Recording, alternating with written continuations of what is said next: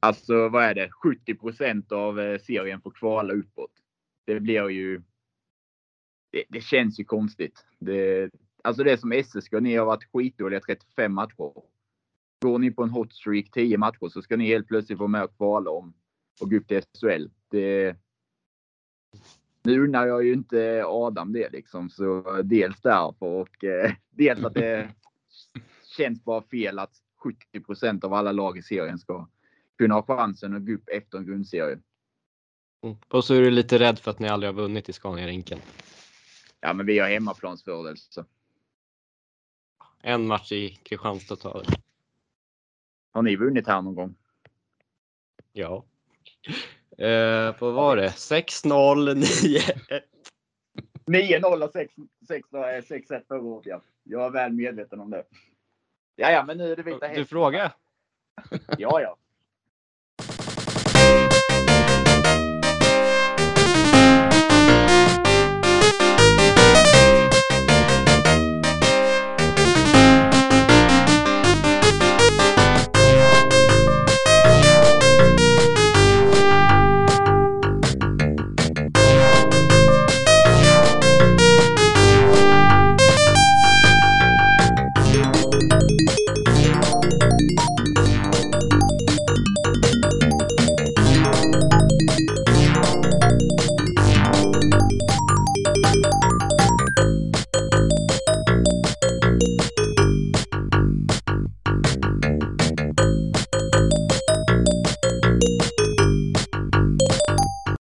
Hej och välkomna till H-podden. Mitt namn är som vanligt Adam Gunnarsson. Idag har jag med mig Max Ikea-snubben Strömberg Melin, Johannes Forsberg, Henrik Olsson och Thomas Melin. Eh, jag kan börja med dig Henrik. Du var inte med förra avsnittet. Hur är läget med dig? Jo, men tack. Det är bara bra faktiskt. Det knallar på. Återhämtat mig efter den där segdragna coviden så att eh, är man nära sin toppnivå igen här kanske. Klarade vi oss helt okej okay utan dig? Förra ja, men det tycker jag absolut. Ni skötte er alldeles utmärkt. Och Johannes, har du återhämtat dig från att hästarna passerar oss igen? Ja, det, det, känns lite tungt faktiskt. Jag förstår inte hur de kan kraftsamla så vecka efter vecka. Och när vi pikar så har de en, de har en växel till helt enkelt och vi får väl försöka att eh, steppa upp lite. Och hur är läget med Melina? Det är väl bra här i Nävlinge. Max, du har ju flytt Skåne så att eh, ja. Nej, jag är faktiskt kvar. Det blev alltså? inget eh, Stockholm. Jag är i Skåne. Jag blev så jävla sur efter matchen igår så jag pallar inte åka upp och kolla på matchen imorgon. All right, vi kör lite nyhetssvep. Vi börjar med något som kanske har irriterat dig Johannes. Marcus Modigs till Linköping av alla klubbar. Hur gick dina tankar när du hörde det? Alltså ärligt, det som hände när jag hörde det från, från alltså när jag fick nyheten, det var ju typ att luften nästan gick ur en på något vis. Eh, här är man i slutet av säsongen, börjar närma sig omgång 40 och för en gångs skull har det gått bra igen för Modo och våran bäst, en av våra bästa poängplockare bara drar. Eh, jag är glad att jag inte tweetade i affekt utan jag lät bli Twitter överhuvudtaget där och jag såg att han fick otroligt mycket skit och det började ju spekuleras också att eh, han hade det där i kontraktet eller det gick väl till och med Modo ut med att han hade en klausul i kontraktet. Och då fick ju den förra sportchefen Fredrik Glader massa skit också. Sen kommer det ju fram att det finns ju inte alls en sån klausul, både från Sanne Lindström och så från Hockeyallsvenskan själv. Eh, och då kryper det fram att de har brutit kontraktet. Jag vet inte ens om vi har fått pengar för honom. Och det är alltså. Som supporter blir man ju så jävla förbannad. Samtidigt förstår jag också att man kan inte ha en surdeg i truppen som en ledande spelare som är missnöjd utan man måste ju bryta och släppa. Så, men det känns för jävligt. Hur, hur tänkte ni kring det när ni fick höra det? Nej, jag håller med. Alltså jag, jag tycker att det är bedrövligt om man ska vara helt ärlig. Jag menar som supporter så investerar man ju sina känslor så hårt och så lämnar toppspelare som du säger en dryg månad innan slutspelet eh, drar igång här och tycker att det är märkligt framför allt. Att det kan, att det, att det kan ske överhuvudtaget. Och sen utmaningen som han har att ta upp Modo när man topplag eh, närmaste slutspel som sagt drar på det här sättet. Äh, det tycker det känns jättekonstigt faktiskt. Tråkigt för er såklart Modo, men eh, ja, den här klausulen som det spekulerades i. Jag vet inte vad man ska tro riktigt. Det är som Nej, du säger, det, det, det fick ju inte existera sådana klausuler, men ändå så surrar ju ryktena på att det fanns någonting inskrivet i alla fall där. Jag vet inte vad man ska tro. Nej, alltså, de gick ju ut med det sen att man hade brutit kontraktet. På hemsidan skrev de ju att det var en klausul som han hade nyttjat. Eh, men sen kom ju från, från andra håll då och även från Hockeyallsvenskan att det finns inga sådana klausuler. Det är väl emot reglerna att skriva in sådana till och med. Så att där tycker jag också att kommunikationen, vad händer där? Eh, på hemsidan så hänvisar man till klausul och eh, sen står sportchefen en kvart senare och säger att de har brutit eh, och kom överens tillsammans om, om att bryta. Jag fattar inte varför Modo skulle ljuga. Vilket de uppenbarligen har gjort vad det verkar. Ja, det är det jag tänker att det måste vara någon slags antingen kommunikationsbrist eller att man. Ja, jag kan inte tänka mig något annat. Varför skulle man annars gå ut med det på, på det viset? Det blir, det blir lite klantigt. Ja. Sen så kom ju dementin om Filip Hasa. Dagen efter var det väl, när ryktet tog fart att Modo gick ut Ja. offentligt med sina egna kanaler och sa att det inte stämde. Så då känns det som de på något sätt vill försvara sig gentemot vad de gjort i fallet med Modigs på något sätt. Ja, de kände nog att det inte varit riktigt hundra procent bra det där. Ehm, Men det värsta är såklart att Modix bara drar. Sen förstår jag inte vad utmaningen med att spela i Linköping som kommer spela play-in som bäst är roligare än att spela med mod och försöka ta upp dem. Och hur mycket det skiljer i pengar vet jag inte. Eh, för Modigs själv. eh, så nej, jag förstår det inte alls. Varken, eller framförallt inte på Marcus Modigs sida. Eh, jag tror att han har större chans att spela till sig ett SHL-kontrakt nästa år om han varit med och bidragit till Modo och gå långt i slutspelet i år. Än han nu var en blek figur i Linköping de sista 15 omgångarna. Är det kul att spela i Linköping oavsett tabellposition? Ja, det var väl för 15 år sedan. Troligtvis inte tänkte jag säga, men jag håller helt med dig Max där. Jag måste säga det att um, utma- alltså kunna vinna. Det roligaste är att kunna vinna som svensk hockeyspelare, eh, oavsett om man spelar SHL eller Hockeyallsvenskan, måste ju vara att föra upp ett lag till, till SHL. Att Linköping skulle någonstans slåss om ett SM-guld här i vår, det låter väl ganska otroligt. Men att Modo kan ta steget upp till SHL är ju relativt rimligt får vi väl säga. Ja, Linköping är närmare att kvala neråt. Nu är det 12 poäng och de har fem matcher mer spelare typ. Så det är ju mer rimligt åt det hållet. Så nej, jag förstår det inte alls. Men jag vågar inte riktigt dra någon slutsats av Modigs, Modigs beteende eftersom det, Modo bete, verkar bete sig jävligt konstigt utåt. Det måste ju vara någon som har sagt till kommunikatören att han ska skriva att det är en klausul Mm. som uppenbarligen inte finns. Ja, Och då, varför försöker man dölja spåren? ja precis. Och Det är så mycket som blir konstigt och, och som blir som att man att man spekulerar rent sportsligt om man tittar på det så håller jag med Max i hans, eh, hans åsikter kring, kring det hela.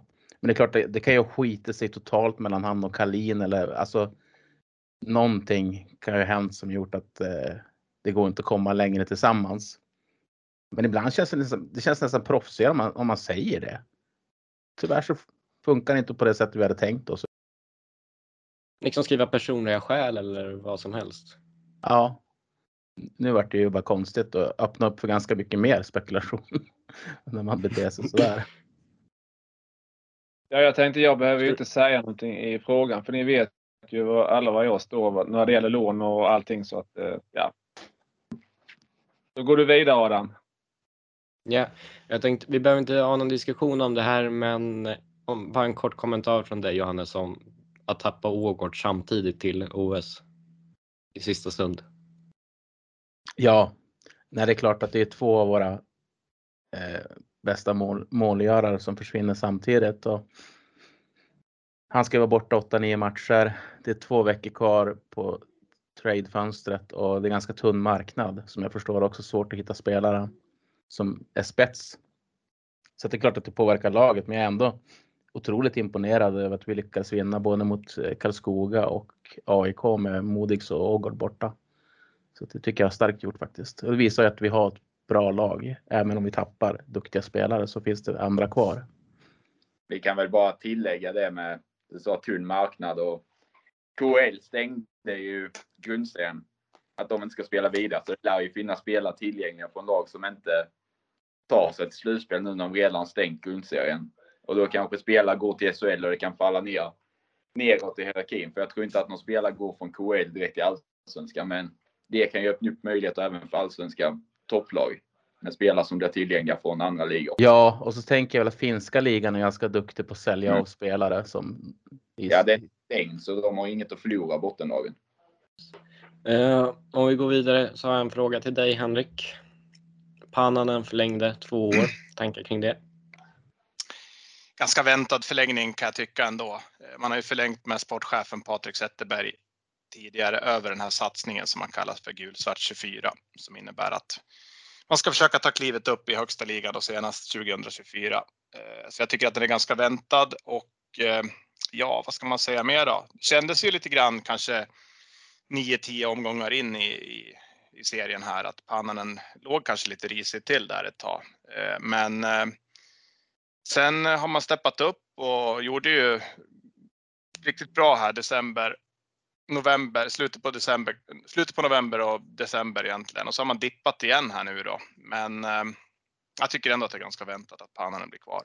Sen, sen om, om, man ska prata mer om det och så Thomas Pannanen är ju, är ju en, en, en, coach som släpper mycket till spelarna när det gäller just det här med, med, med drivet liksom. Så att eh, ja, vi får se man, man, behöver nog ha en grupp där det finns liksom det här drivet som kommer inifrån. Men eh, stort vikhjärta. Jag tycker ändå att han förtjänar att vara kvar över den här satsningen som klubben gör.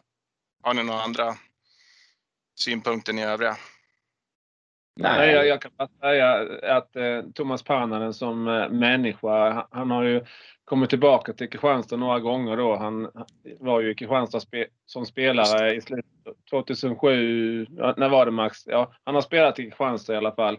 Och eh, alltid lika trevlig man pratar med honom och så. Du, du eh, var ju där som eh, lite kommentator där Max och du fick ju alltid intervjuer med honom innan och så vidare. Så att han är, är ju en helylle person i alla fall. Det kan, det kan jag intyga. Jag kan säga en minut efter KIK hade avgjort mot Almtuna så fick jag ett meddelande från Thomas Pannanen. Fan vad gött det är ni värda när KIK upp till Allsvenskan. Och jag hade kanske pratat med han en gång i hela mitt liv innan dess. Så eh, väldigt fin människa och kompetent hockeycoach. Men jag tror som dig Henrik att det krävs en drivande grupp. Eh, för han är inte den ledartypen kanske som får igång laget så, utan det är mer taktiska detaljer. Så då är det viktigt med Frycklund och Gunnarsson och Giga att ha den Västeråskärnan som vill föra tillbaka Västerås, att det kommer inifrån laget också. Ja, men det, det, det, är jag lite inne på också. Jag tror att förra säsongen till exempel så, så var vi många supportrar som funderade just kring den här, det här drivet, om det verkligen fanns inifrån gruppen. Men i år har vi ju sett det stundtals i alla fall, även om det någonstans har, ja, man är inne i en svacka nu uppenbarligen då, men eh, men eh, ja, det ska bli spännande att se vad som, vad som kan hända de här två kommande säsongerna om vi inte nu skulle lyckas ta klivet redan i år. Då. Eh, så om vi går vidare så har Mora fått en sportchef efter 100 år. Andreas Hägglund tror jag han hette. Jag kan, är det någon som har koll på vem det är? Jag vet att han är 36 år och att och han är ny sportchef från den 1 februari. Det är det enda som står på Moras hemsida. Så att, eh, ja. Och, och att han ser det som en härlig utmaning. Det måste man ju säga. Alltså det, det tror jag det är för inklippt i sådana där Det, det hade varit roligt om man sa nej, jag gillar inte alls detta. Det, men jag får ta det för jag har ett Mora-hjärta. Jag, jag skulle bara till Ica och handla. Ja. Och så får jag detta på halsen. Är det någon som har sett reaktioner från Mora supporters kring det här? Eh, Alltså de, eh, det generella var väl att de, eh, det fanns ju lite andra alternativ som de också hade bollat upp eh, inifrån organisationen, både från junior, juniorled och annat som de tyckte också var relevanta alternativ. Men eh, framförallt som var nöjda att de sätter en eh, sportchef. Eh, sen vem det var var kanske inte så viktigt, men att de satte en sportchef är väl reaktionen från de Morasportrarna jag har lite kontakt med i alla fall, att de det känns som en seriösare verksamhet nu. Eh, upplever de det som när man satsar framåt att man har en sportchef eh, som har den rollen liksom rakt av. Men har det varit en sportgrupp innan då Max eller hur har det funkat då? Jag vet inte riktigt hur det har varit. Det har varit eh, Hermundsson och Hedberg, alla de har ju varit inblandade nu senaste. Det, det har inte varit så tydligt eh, riktat som det är i många andra klubbar där det är en tydlig sportchef. Så Sen hur exakt de har haft det har jag inte full koll på. Jag har för mig att han, KDn Hermansson, är ja. den som har pratat med agenterna. Men så är det ganska mycket Hedberg som har bestämt ja. vilka spelare han vill ha. Man har ju sen Hedberg kom försökt utnyttja Hedbergs ganska breda kontaktnät. Eh, eh, det är det man mycket har förlitat sig på. Eh, det gick ju bra i fjol när man hämtade Ludvig Larsson och sånt, men jag tror att du behöver en sportchef som har eh, Sen KIK kör ju på gat i båda men eh, då ska du vara uttalad sportchef också. Jag tror man behöver den tydligheten i sin organisation. Och sen om vi går vidare. Thomas gillar att få in så mycket KIK som möjligt i körschemat. Kristoff Kontos, månadens spelare i Hockeyallsvenskan. Det får väl ni, någon av er två kommentera.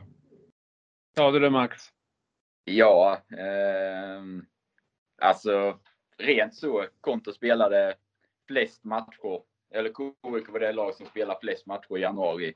Kontos var KIKs bästa spelare, han gjorde poäng i alla matcher. Eh, har drivit laget offensivt och ja, varit en toppspelare i Allsvenskan som varit hela säsongen. Men nu har han börjat få utdelning poängmässigt också. Och man ska inte döma de som tar ut priserna, men när man läser nomineringar så är det alltid bara ja, målvakten har den statistiken och utespelare har gjort så många poäng. Så det känns ju mycket som det är spelaren som gjort flest poäng. Det kommer ju aldrig gå till en eh, typ Daniel Rahimi om han skulle haft en sjukt bra månad sett till vad han ska bidra med. Han kommer ju aldrig få priset för de som utser priset har nu inte den kollar nu inte så noga utan det är mer statistiskt och då var Kristoff Kontos bäst i allsvenskan i januari månad. Eh, och sen har Dan Björkman avgått i Vita Hästen som klubbchef. Eller han kommer avgå efter säsongen. Det verkar vara en riktig ka kaosklubb det där men vi ska ju gå in på dem lite djupare senare. Eh, och sen har det varit en hel del dubbelregistreringar men vi tänker att vi tar de två som sticker ut mest och det är kanske William Strömgren från Rögle till Björklöven. Du har väl bäst koll på honom Johannes? Ja, jag kan, har lite koll på honom. Jag kan inte påstå att jag, att jag kan så jättemycket om han. Men det är en duktig spelare, men, men jag har ju svårt att se vart han ska få plats i eh, Lövens lagbygge. Alltså han är ju en spelare som eh, ska, ska utvecklas offensivt. Det här är ju ingen kille som kommer spela en tredje, fjärde line när han är etablerad i alla fall. Ehm, jag vet att eh, eh, vi var väldigt förvånade att han valde att gå till Rögle inför säsongen därför att vi hade svårt att se. Han fick spela ganska mycket i slutet av förra säsongen i Moda. Och det syntes ju väldigt tydligt att han hade en ganska lång väg kvar att gå innan han eh, skulle ta en ordinarie plats och bli en ledande spelare. Men absolut, han har potential och är duktig. Men som sagt var, jag, jag kan inte se annat än som en breddspelare för Löven ifall de får många bortfall. Mm. Vi har ju en gäst som vi alldeles strax kan diskutera det där med också. Men först lite snabbt, något som gjorde mig lite förbannad är Isak Rosén från Leksand till Mora. Ja, eh, Mora har ju jäkligt bra J20 år. Det finns ju många spelare som kanske kan lyftas upp och få ett A-lagskontrakt, inte minst Jonsson. Så då är det väl så. Men hade han gått till ett annat lag än Mora så hade det inte varit något snack. Men nu eh, väger man in Ljunggren historien sen innan under säsongen och liknande. Och det blir ju en farmarklubbs tydligt mellan Leksand och Mora, men suddar ut rivaliteten.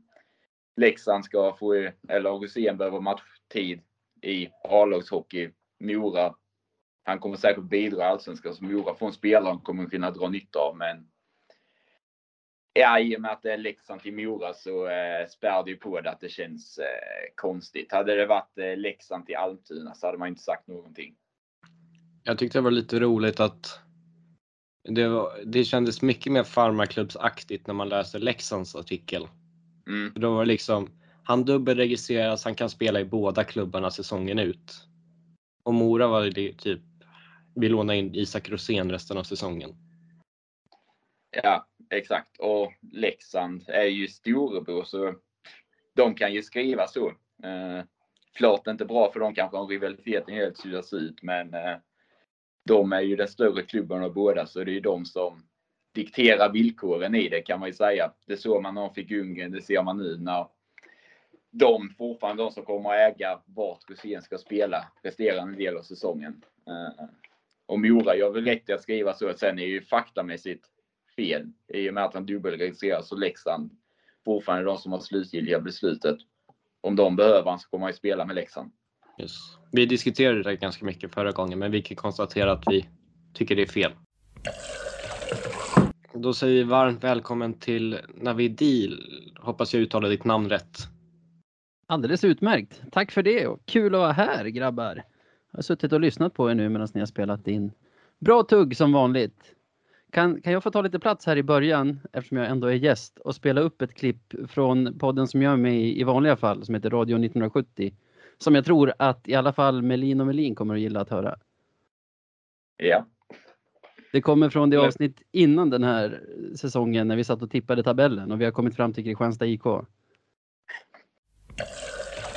Kristianstads räkning och till skillnad från dig så gillar jag Kristianstad IK mycket också.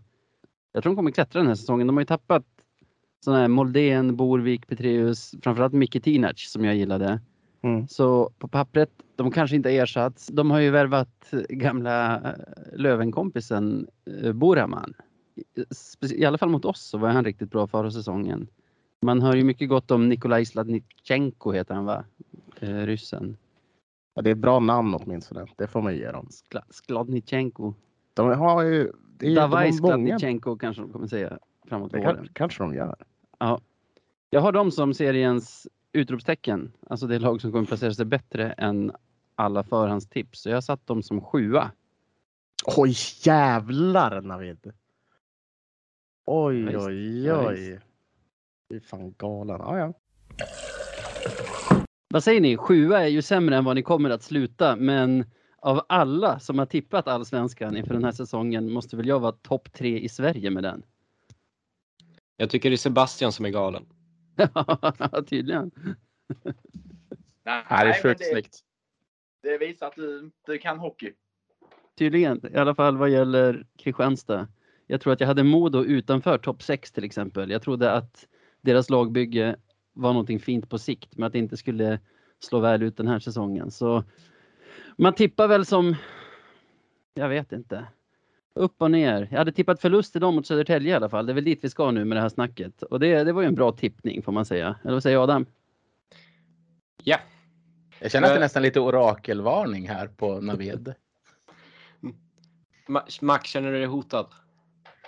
Nej, nej, alltså vi behöver. Eh, det, det finns plats för ett orakel till och Navid är välkommen. Mm. Nu pratar du med någon Hjärtligt för en gångs skull som kan hockey. Exakt. Eh, Men bara för att förtydliga ifall det är någon som inte känner igen dig. Du håller på Björklöven, eller hur? Det stämmer. Jag håller på Björklöven sedan 1986 tror jag. Eh, driver en podd som heter Radio 1970 som handlar uteslutande om Björklöven skulle jag säga. Tillsammans med Sebastian Vainonen, ett annat Löven-fan. Utöver det sitter jag väl och hänger en del på Twitter och bor faktiskt i Stockholm, inte i Umeå tyvärr. Så ser ganska mycket matcher på TV för att vara ett sånt hardcore fan som jag ändå ser mig som. Men om vi börjar vid dagens match. Hur, sum- hur summerar du den? Jag tycker att det är en ganska bra match och jag tycker att SSK vinner den helt rättvist. Löven, vi trummar väl på, vi skapar en del chanser, men jag tycker SSK känns lite mer sugna, lite mer skärpta i avgörande situationer den här kvällen. Jag tycker att eran keeper vinner målvaktsmatchen mot Jonna Voutilainen och så tycker jag att våra spelare gör några ganska grova misstag i avgörande situationer som, som gör att det här rinner iväg till en ganska bekväm seger för er ändå till slut. Jag sa till Max innan inspelningen att jag var i chock och att vi såg ut som ett topp 6-lag nästan. Håller du med om det? Ja, absolut. Jag tycker det är lite svårt.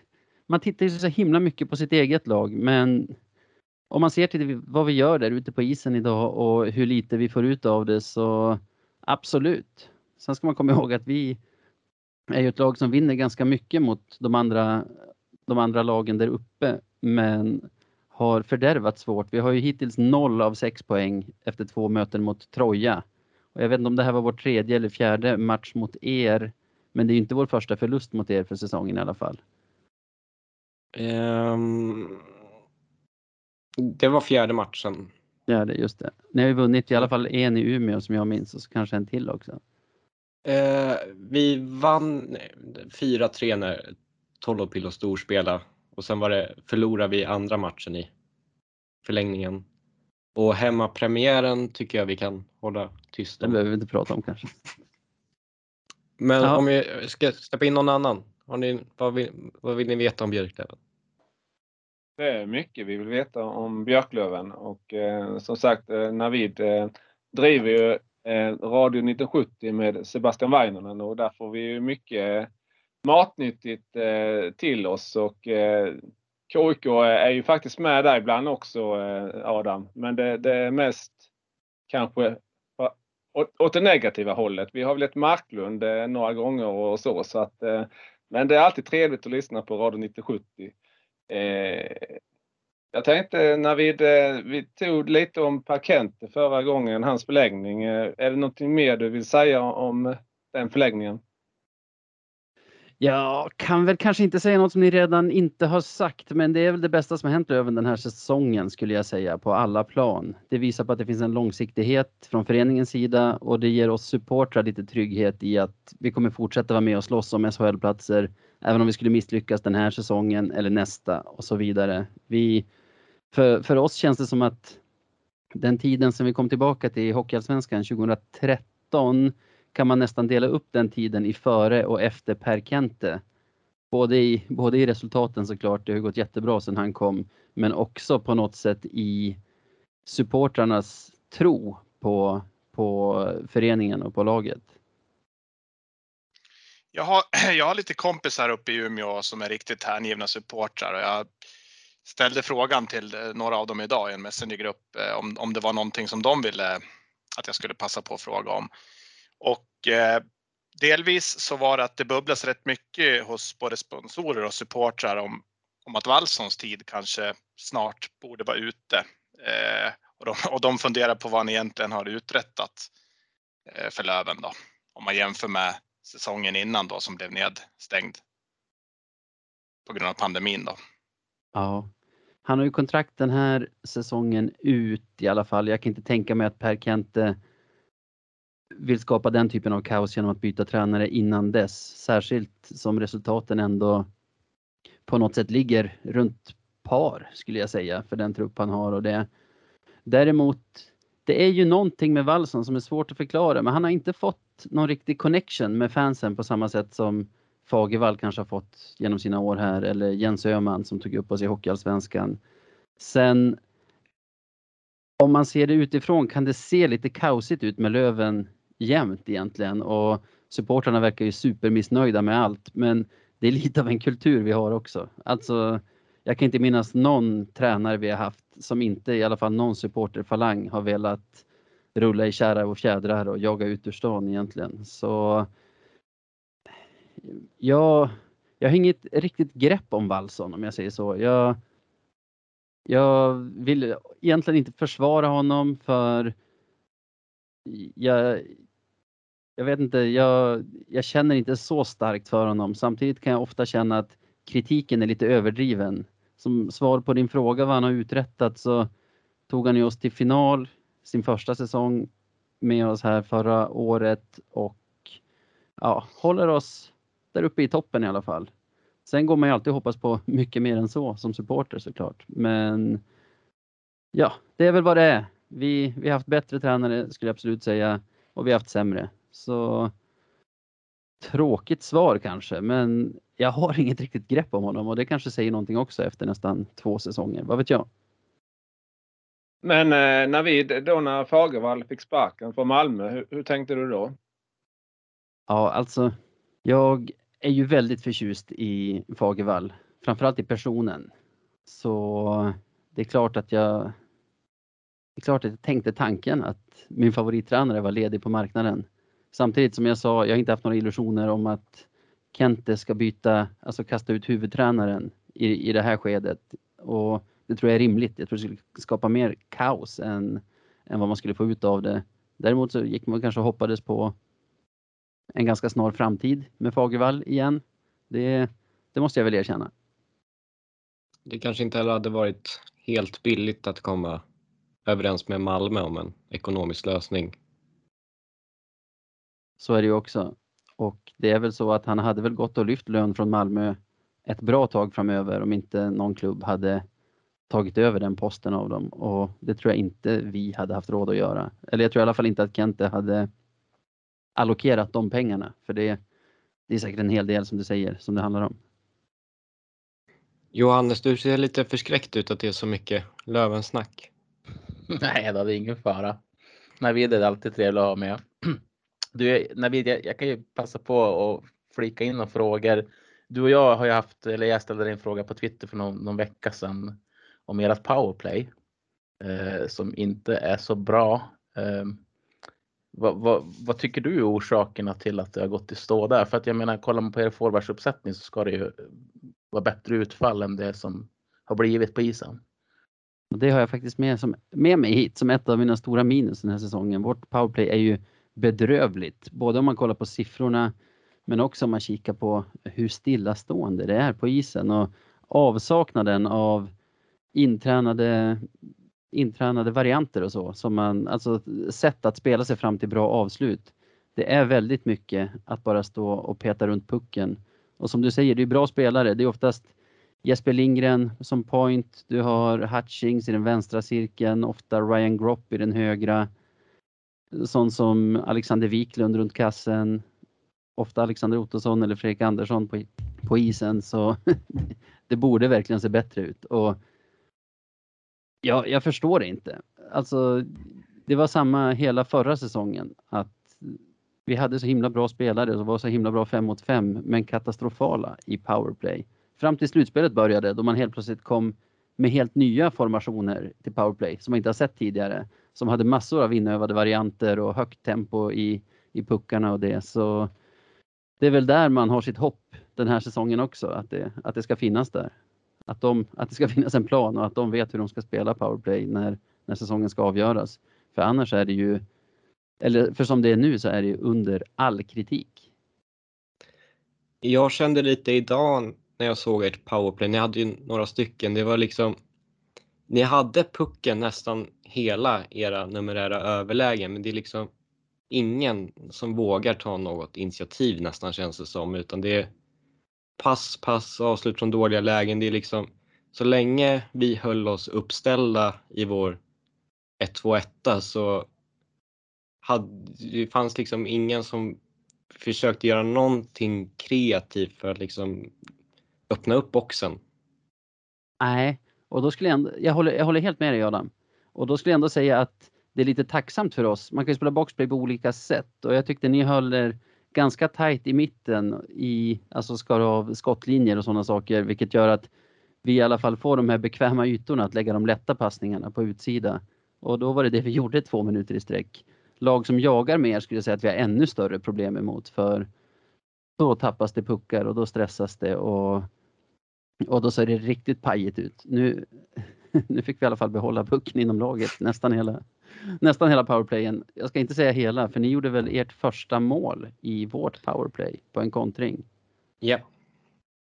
Eh, är det någon spelare som har stuckit fram lite oväntat positivt den här säsongen?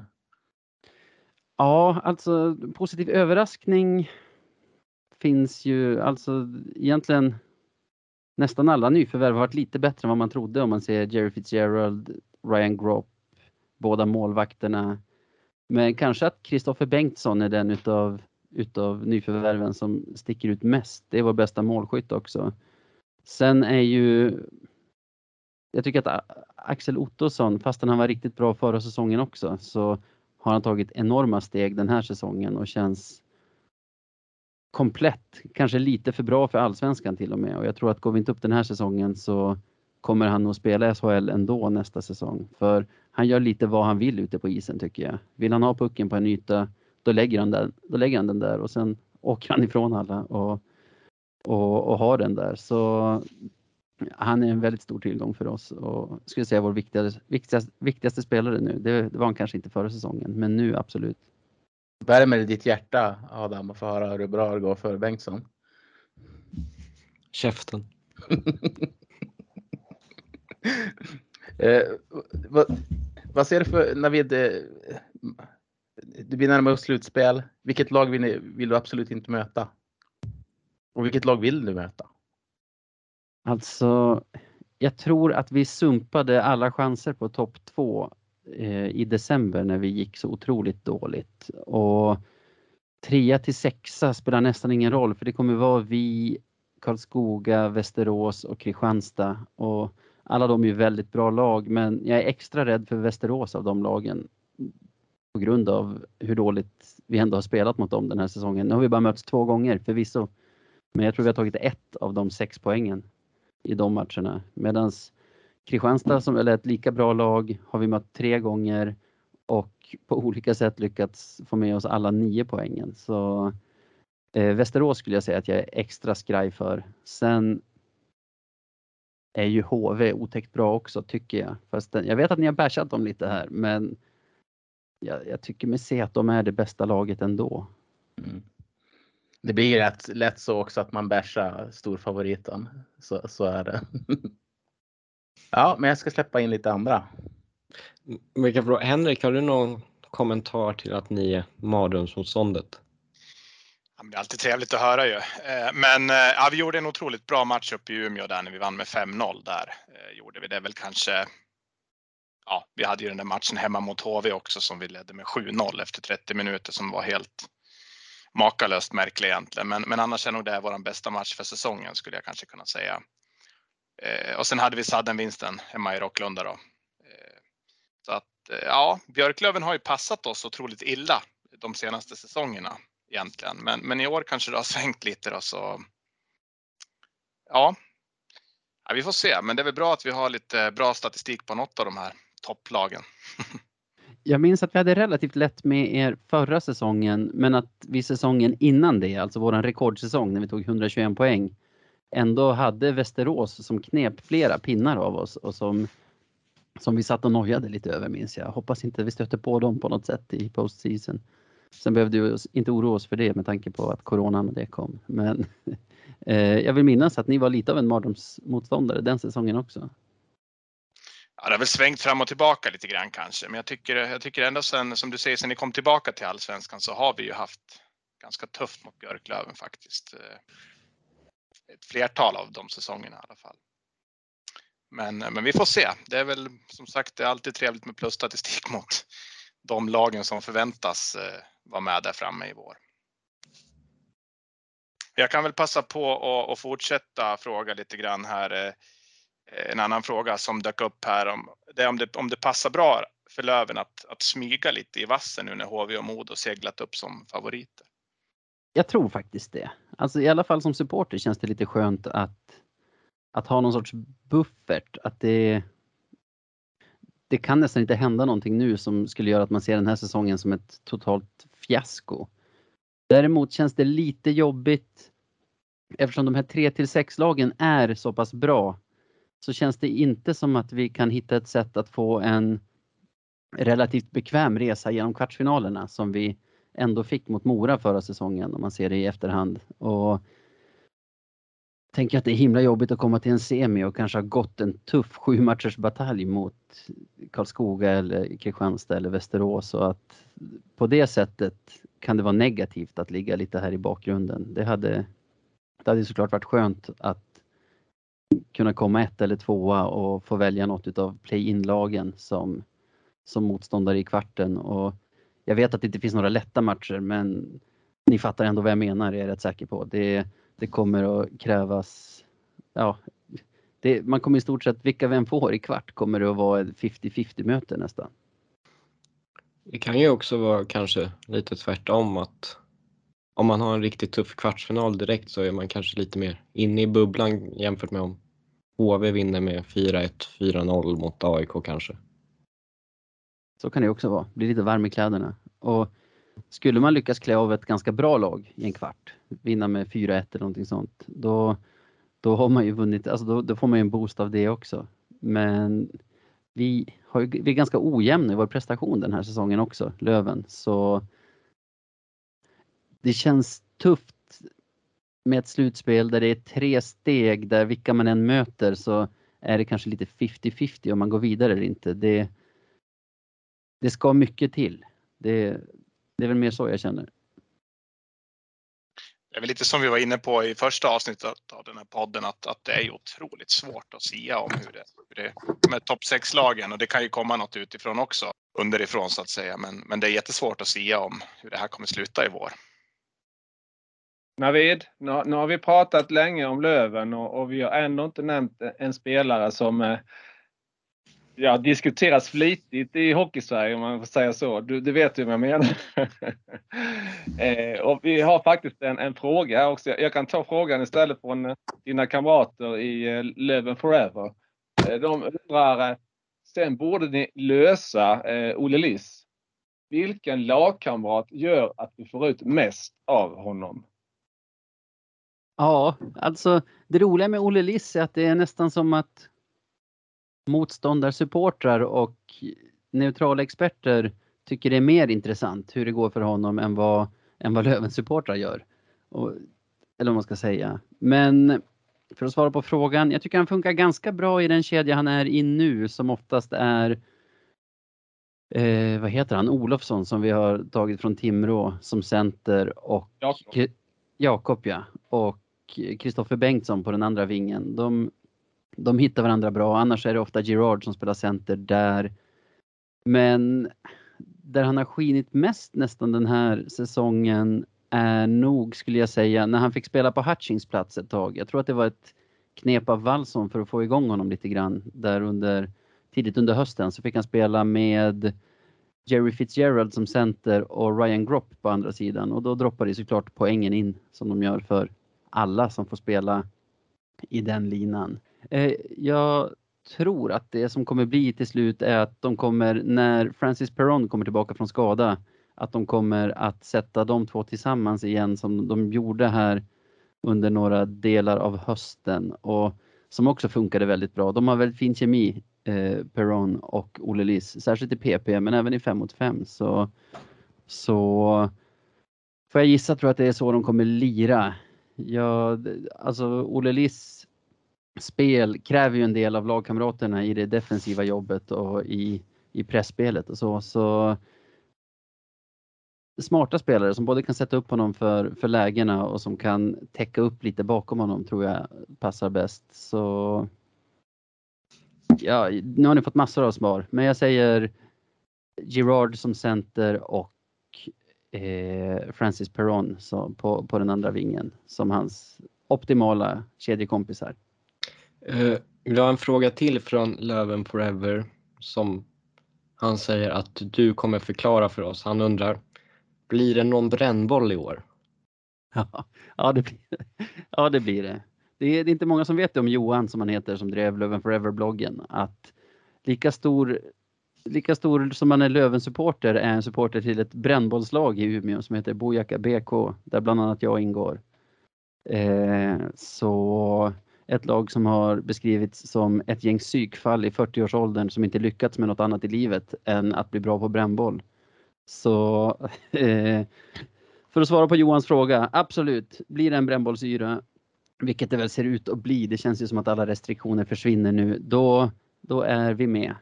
Han kan vara lugn. Eh, Navid, du Ja. pratar om, eh, om eh, att, ja, att det inte kommer att topp två. Men eh, nu med publikrestriktionerna som lättar, är inte Löven ett lag som kanske hade behövt en extra hemmamatch i slutspelet när det blir semifinal så, även om ni tagit fler poäng på bortaplan än hemmaplan hittills i år? Absolut.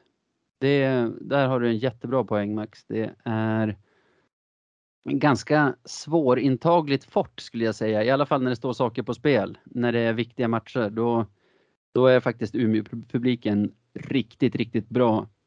Så den boosten hade vi absolut behövt i, i form av en extra hemmamatch. Jag hoppas att vi kan att vi kan kraftsamla så pass att vi i alla fall bara behöver vinna en bortamatch i de matchserier där vi inte har hemmafördel. Eh, det, det hoppas jag. För du har en jättebra poäng Max i att hemmaplan är olika viktig för olika klubbar och för oss är den extremt viktig skulle jag säga. För det kan bli ett riktigt jäkla tryck där uppe i ladan när, när vi sätter den sidan till. Eh, Endre och Voutilainen, vem eh, i slutspelet vill man ju välja en målvakt. Vem lutar din magkänsla åt att man kommer gå och vem vill du att man går med i slutspelet? Ja, alltså. När vi gick in i säsongen hade jag Endre som etta. Han har haft en liten dipp men kommit tillbaka riktigt bra de senaste veckorna. Men helhetsintrycket just nu som jag har, det är nog att Voutilainen är den starkare utav dem och han har också, det känns som att det har tippat över lite till att det är Voutilainen som är den, den som Wallson litar mest på också och den som Wallson kanske lutar sig mot i de, i de tuffare matcherna. Men visst är det så att Endre har stått alla tre matcherna mot KIK? Han stod i alla fall den matchen onsdag den 29 september, den dagen som restriktionerna släpptes förra gången. Då var jag där och kikade och då minns jag att han dansade med klacken och det. Och han stod ju den senaste nu också, den som var i Kristianstad. Matchen däremellan som också var nere i Kristianstad minns jag faktiskt inte vem som stod. Det kan ha 6 varit. oktober, stod han. Ja, okej. Ja, du ser. Han stod den 6 oktober också. Och det har ju funkat bra för honom i alla de matcherna. Han har ju, han har ju fått jobba i alla tre matcher, vilket man kanske, kanske inte kan tro när man ser siffrorna. Om man ser slutresultaten från matcherna, men han har haft det hett om öronen i alla tre och gjort det bra, skulle jag säga. Eh, man pratar ju om en första kedja som ska leverera. Ni hade Crandall, eh, Wessel och Hutchinson ni haft. Nu är det mer fyra kedjor som är jämna och ska driva det. Eh, saknar du kanske en riktig första formation som man alltid vet kommer att göra poäng i varje match? Ja, men lite kanske. Alltså. Om man säger, det är klart att man inte hade tackat nej till en sån första lina som, som Modo har till exempel. Samtidigt tycker jag att det finns en liten struktur i vårt lag, kanske mer den här säsongen än till exempel förra. Där vi har två kanske leading lines som är, den ena kallar vi för Umeåkedjan, Det är Ottosson som spelar mellan Possler och Wille Eriksson oftast. Och Kanadakedjan som vi kallar den, Fitzgerald mellan Gropp och Hutchings. Och de är ju de som får lite mer ansvar, lite mer offensivt ansvar, lite, lite fler offensiva teckningar och sånt. En ganska utpräglad, jag ska inte säga checking line, men lite mer tyngre kedja som får ett större defensivt ansvar i det vi kallar för kaptenslinan som är Fredrik Andersson mellan Sebastian Selin och Alexander Wiklund. Och sen har vi lite av en jokerlina som är den jag pratade om nyss, där Olle Liss och Kristoffer Bengtsson spelar och där det oftast är Olofsson eller Girard som, som går som center. Och jag tycker att de här fyra linorna, lite bättre än förra säsongen i alla fall, har hittat sina olika roller. Även om jag fortfarande känner att vi delar onödigt mycket på speltiden. Det är i stort sett 15 minuter per match på, på varje kedja. Och när man går in i ett slutspel då vet man att det inte kommer att vara så. Så ibland kan jag känna att varför inte, precis som man vill träna så matchlikt som möjligt, borde man ju kunna spela grundserie så slutspelslikt som möjligt också. Men eh, Navid, då ska du få chansen här nu. Eh, en eh, starting lineup. Eh, en, eh, sätt ihop eh, din bästa femma som, som du skulle vilja spela 25-30 minuter då. Okej. Då skulle jag ha Voutilainen i mål, gärna 60 minuter på just honom. Och Okej. ett, back, ett backpar eh, med två Umeå-killar, Daniel Rahimi och Jesper Lindgren. Jag tycker Rahimi var absolut bästa defensiva back. Han är lite av vår general också ute på isen och en spelare som vi förlitar oss väldigt mycket på i defensiven. Och med honom Jesper Lindgren som, som jag tycker tillsammans med kanske vår nya Tyler Nanny är den skickligaste offensiva backen. De är dessutom en leftare och en rightare där så de passar bra tillsammans. Och så sätter vi en till Umeå-kille som center, Axel Ottosson som jag pratade om tidigare. Eh, tycker han har varit vår absolut bästa center den här säsongen och så får han flankeras av Alex Hutchings och Alexander Wiklund på varsin sida som båda är målfarliga skulle jag säga men framförallt två spelare som jobbar otroligt hårt över hela isen. Så det, jag kanske, kanske missuppfattade din fråga lite för du postade det här i förväg till mig att, att jag skulle sätta ihop en kedja. Jag, Ja. jag tänkte mer bara de fem jag gillar bäst. Så, så är de Ja, ja ihop. men eh, ta, ta, ta de du gillar bäst med då. ja men det är väl de skulle jag säga. Ja. Eh, Eh, och, och rent effektivt då, de som du skulle sätta ihop som skulle kanske vara bäst för Löven då? Ja, men då skulle jag nog använda mig av de nuvarande två topplinorna, alltså Umeå-kedjan som är Ottosson, Possler, Wille Eriksson och Kanada-kedjan som är Jerry Fitzgerald, Ryan Gropp och Alex, Hutchings. Sen fick du en överkursfråga med, eller rättare sagt du tog den själv när vi är där. I ett hi- historiskt perspektiv, eh, hur skulle din eh, Löven eh, femma plus målvakt då se ut? Jag blev faktiskt glad över, för det var ju så jag trodde att du menade först, så det var därför jag ställde frågan.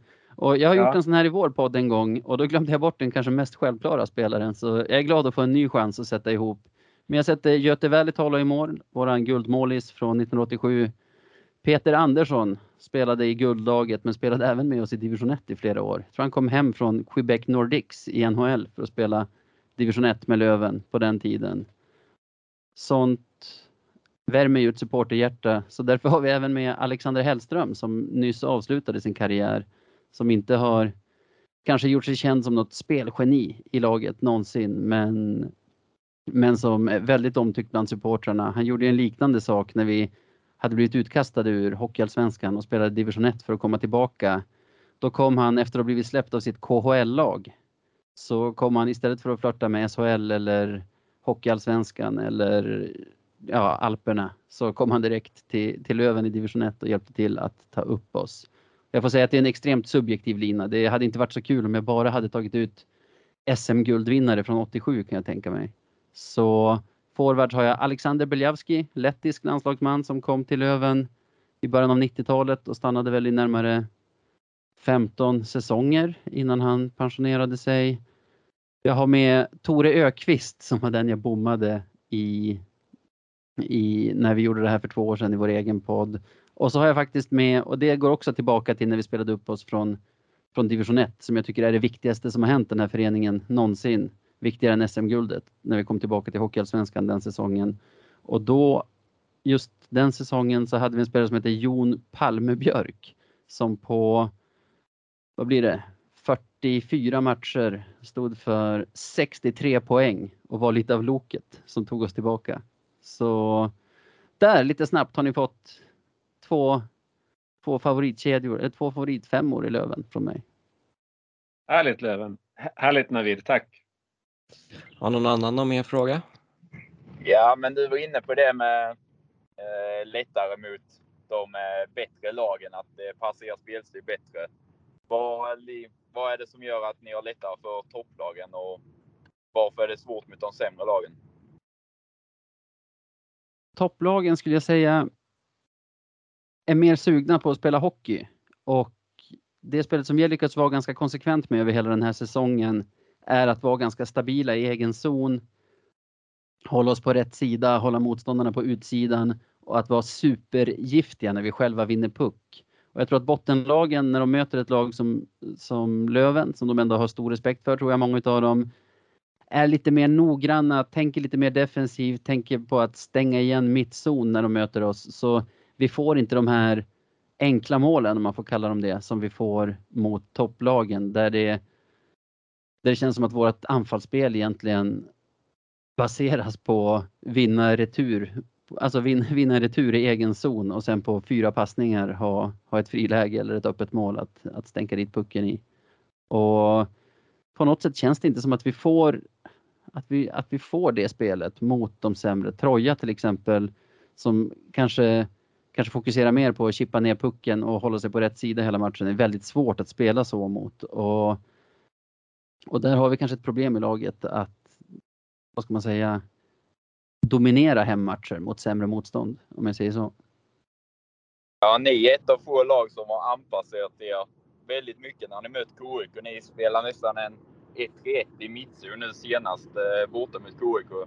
Är det något Wall som gör mycket anpassa sig efter vilket lag man möter i hur han matchar laget och gameplan och sånt?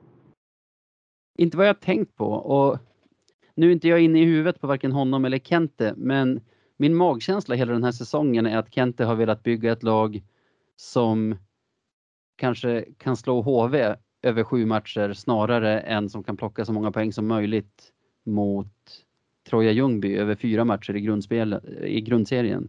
Så jag tror att mycket av Lövens spel är fokuserat på att, på att kunna vinna matcher mot andra topplag helt enkelt. Det, det, är, det, enda jag kan, det är det enda jag kan gissa när, när jag ser hur det ser ut från sidan. För vi har några helt oförklarliga insatser mot till exempel Västervik och Troja som är bra lag såklart, som alla lag i serien, men där man ändå sitter och kollar och tänker så här. Är det här, är det här ert jobb? Är ni på jobbet nu verkligen? Alltså då, det, då, man, då man inte förstår vad ens eget lag håller på med nästan. Eh, poängrekordet från eh, 1920, är det eh, viktigt att ni har det? och Att inte Timrå till exempel slog det förra året? Ja, det är väl lite kul. Alltså det skulle kännas lite som en knäpp på näsan av något annat lag om vi skulle tappa det, men samtidigt så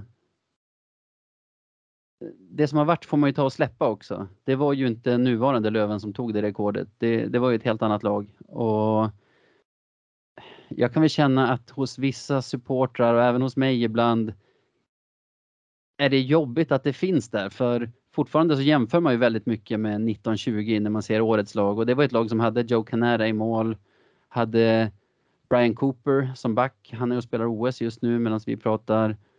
Eh, Alexander Deilert som offensiv back och om man, om man hela tiden jämför sig med det bästa laget som någonsin har spelat i Hockeyallsvenskan så är det klart att man går runt och är besviken ofta. Liksom. Lite jobbigt att bli påmind om den säsongen också eftersom ni aldrig fick slutföra den. Ja, lite så också såklart. Det, det, det sved ju, det gjorde det. det kanske är därför jag, jag, är så inne på att man måste gå vidare också. Det var en jättebra säsong och självklart ska man ju titta på den och se vad vi gjorde rätt där och vad vi, vad vi, vad vi behöver liksom förbättra nu och så såklart. Men, men det är verkligen läge tror jag, i alla fall för Löven-fans, att, att släppa den för nu. Sen är det en säsong som man för alltid kommer vara väldigt stolt över och det var en himla kul säsong också. Det, jag brukar ju säga att vi Löven-supportrar är de bittraste och mest pessimistiska i Hockey-Sverige, men då, då såg man verkligen på folk att, att peppen fanns där. Man kanske sa till varandra så här, usch, är det matchdag nu igen? Fan, vi kommer förlora. Men man sa det inte med samma ärlighet som man gör det alla andra säsonger. Liksom. Då går jag tillbaka till eh, förra säsongen ändå Navid. Eh, du, du hyllade ju Daniel Rahimi här innan, eh, men han blir ju avstängd då spelade, spelade han en match i finalserien eller hur pass mycket betydde det att Löven tappade Rahimi? Jag tror att det hade betytt väldigt mycket. Jag tror att det var ännu värre att typ hela laget åkte på covid just efteråt. Men oavsett det så drog ju både han och tidigare nämnda Alexander Hellström på sig långa avstängningar i den match två. Ganska onödiga också, vilket hade gjort att även om, även om den finalserien hade rullat på precis som, som det var tänkt efter det så hade vi gjort det med, tror jag, fyra eller fem ordinarie backar resten av, av den slutspelsserien. Så väldigt, väldigt stort avbräck var det för oss och vad det kändes som då avgörande för, för finalserien. Även om Timrå var ju det bästa laget såg man ju även i grundserien så det finns ju inget Visst, det hade varit bra att ha Rahimi och Hellström i slutet och det hade varit bra att inte åka på covid men det blev rättvist som det blev också så det är väl inte heller någonting att, att prata så mycket om nu egentligen tycker jag utan vi, vi spelar allsvenskan fortfarande och vi har fortfarande Rahimi i laget. Han är fortfarande omtyckt. Det är väl, det är väl där vi står. Den eh, viktigaste frågan Navid. När eh, funkar den nya mediakuben? Det är en bra fråga. Jag ska ju upp till Umeå nu på onsdag och se hemmamatchen mot AIK. Hade inte tänkt det men blev så himla taggad nu när restriktionerna släpptes och allting så kommer åka upp till Umeå över dagen på onsdag. Då hade det varit maffigt att få se en ny mediakub i taket där. Johannes och Henrik, har ni något mer? Eh, ja, jag har, väl, jag har väl åtminstone två konstateranden kvar från den här eh, diskussionen jag hade med mina Löven-kompisar och det är väl att, eh, att de är otroligt imponerade över alla som köpt och förlängt sina årskort trots att de knappt fått nyttja sina platser på grund av coronan. För det har väl varit ändå ett otroligt publikstöd oavsett att man inte har kunnat fått gå på matcherna. Ja, absolut. Det har varit riktigt bra tryck. Nu försöker jag tänka vad det varit för publiksiffror, har de inte i huvudet. Men just att det var så himla många som valde att inte ta tillbaka pengarna för säsongskorten förra säsongen och samma sak vad jag förstår nu när det har blivit flera matcher där man inte kunnat gå eller fått gå fast man har säsongskort. Och det, det är ju någonting med Lövenfansen. Alltså bittra gnäller ofta på sitt eget lag men är fan alltid där och står upp för laget också när, när det är dags för match. Och jag tycker det har någonting. Jag tycker att det är en otrolig skara att vara, att vara en del av. Sen ett konstaterande till då, att, att Kenta är fortfarande Jesus och så länge han är kvar lever hoppet om avancemang. Helt rätt. Jag tror att jag var inne på det tidigare också. Det, hans förlängning gör så otroligt mycket för alla supportrar just för att man har ändå känt så här, ja men den dagen han försvinner då är vi tillbaka till att vara kanske åtta i serien och, och värva några, några SHL rejects som inte gör någon lycklig i en fjärde kedja och, och hela den biten. Så jag håller med. Det, det, det visar på en långsiktighet och det får oss ändå att tro att vi kommer vara med där i toppen även kommande säsonger. Alltså, Kent uttala sig någonting om vad han tycker om att bli kallad Jesus?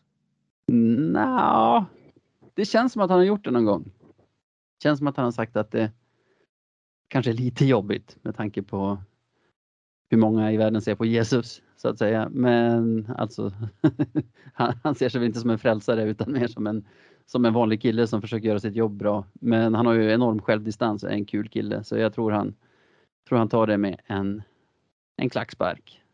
Är det ett eh, misslyckande om man inte går upp under denna och fem säsongerna till efter denna eh, med Parkente? Jag gillar det Max, du jagar rubriker på det där sättet. Är det ett misslyckande? Jag har Ja, jag skulle säga att jag nästan inte förväntar mig, men jag tror att vi har väldigt bra chanser att få prova på SHL-spel under de här fem åren om, om vi fortsätter på inslagen väg. Däremot misslyckande. Det är ju olika från säsong till säsong. Alltså förra säsongen hade det varit ett misslyckande att gå upp om inte Timrå helt plötsligt hade haft så himla bra lag jämfört med säsongen innan.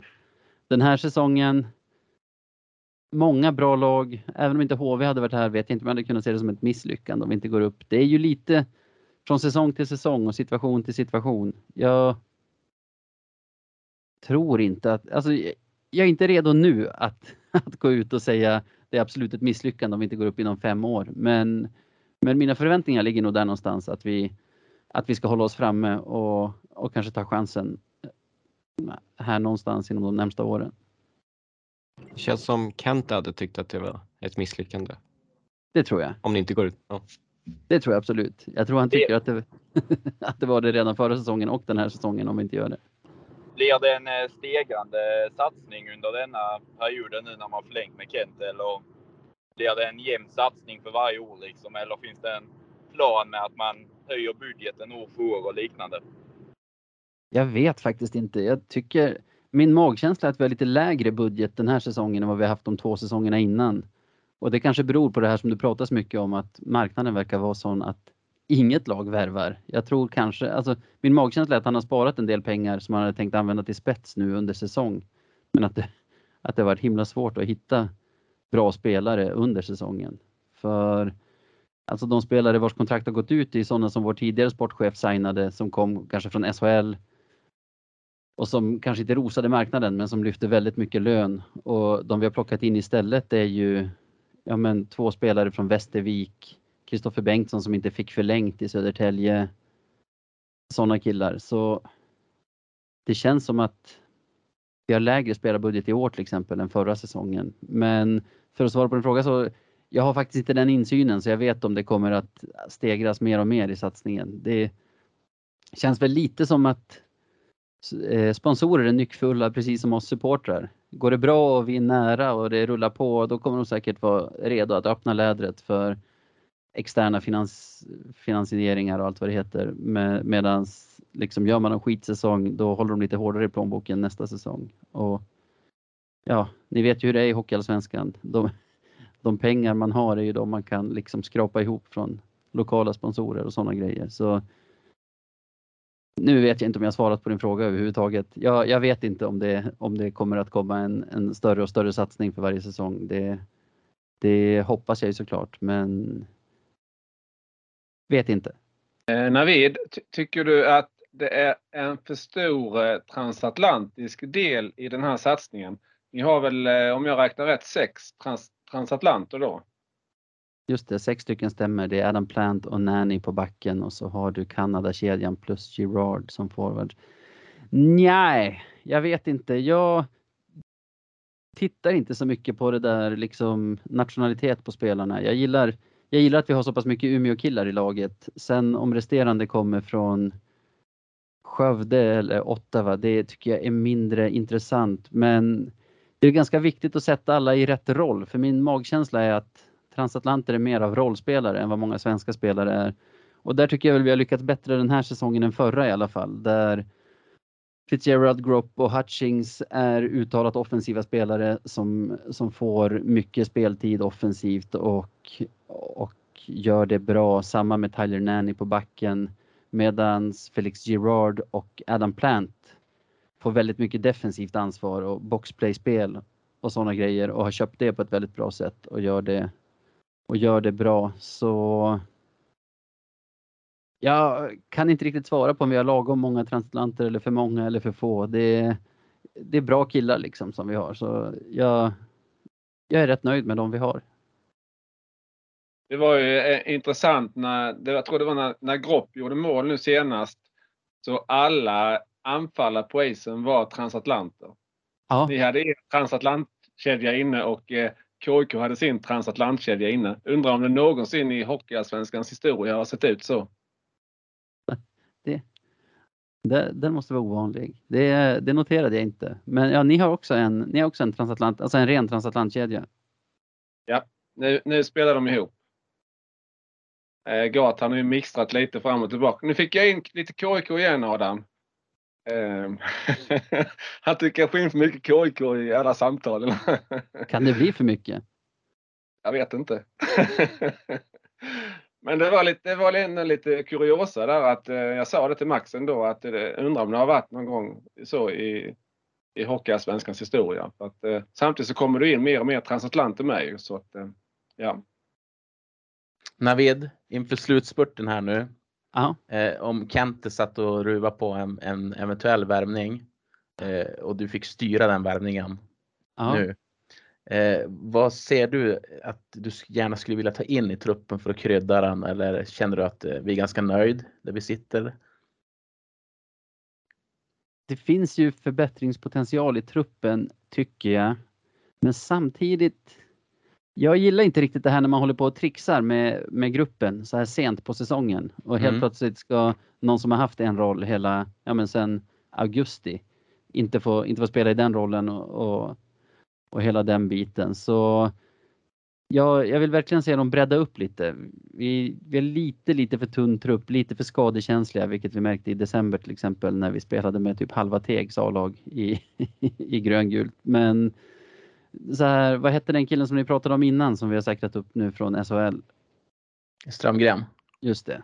Alltså sådana lösningar är bra för att liksom inte få slut på spelare bara för att man, bara för att man har några skador i truppen. Men jag vet inte. Det vore väl kanon att få tillbaka en sån som Brian Cooper såklart. Eller, eller någon riktigt giftig forward. Men samtidigt tror jag mer på att ge de som är där chansen och ge dem utrymmet för att, för att växa in i det. Jag tror till exempel fortfarande att Olle Liss kommer att vara en kanon i, i årets slutspel. Precis som förra säsongen när man satt och svor lite över honom under grundserien och tyckte han var ineffektiv och inte fick in pucken. Och sen var han, tror jag, vår bästa målskytt och poänggörare i slutspelet. Och tillsammans med Alex Hutchins kanske vår bästa spelare i det slutspelet. Mm. Är det inte lite sjukt att han inte har gjort ett enda PP-mål? Jag vet ju i och för sig inte hur mycket PP han har spelat. Jo, det är himla märkligt. Och han har blivit uppsatt. Jag tycker i alla fall så länge Francis Perron var med och lirade och vi hade ett ganska rörligt powerplay. Perron var ganska viktig för vårt PP där i början. Han satte ju upp Liss i många lägen. Så där borde det verkligen ha kommit. Men sen dess, alltså Olle är väl en spelare som är väldigt beroende på att det rullar på runt om honom. I vårt stillastående PP där alla bara står och passar runt pucken och vi liksom inte hittar ett sätt att överlista motståndarna och få övertag åt något håll så har nog inte han så mycket att hämta heller. För varje gång han får pucken så, så står det redan två motståndare mellan honom och målet. Så du skulle ha frågat mig innan serien, kommer Olle Liss stå på noll powerplay-mål efter 36 spelade matcher eller vad det är, då, då skulle jag inte ha trott på det såklart. Men som det har sett ut, det är fortfarande märkligt, men kanske inte chockerande om jag säger så.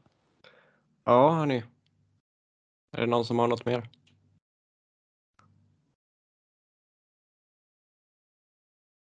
Ska jag tolka det som ett nej eller? Alltså mer har man ju hela tiden. Vi skulle, grejen är att vi, det är Almtuna Vita Hästen kvar också.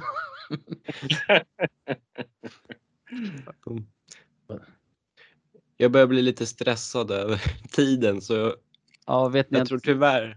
Ja. lyssnarna vet inte det här, men klockan är snart kvart över tio. Vilket är väldigt sent för en, för en småbarnsförälder. Så om vi kan ta någon sista snabb fråga eller bara säga tack för den här gången och på återhörande.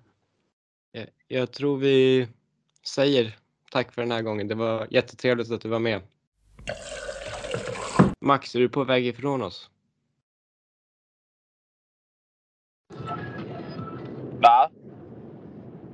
Är du på väg ifrån oss? Nej, det är jag inte. Jag sitter i en bil just nu. Så, eh, jag, har allt, jag har mitt ljud av när jag inte pratar.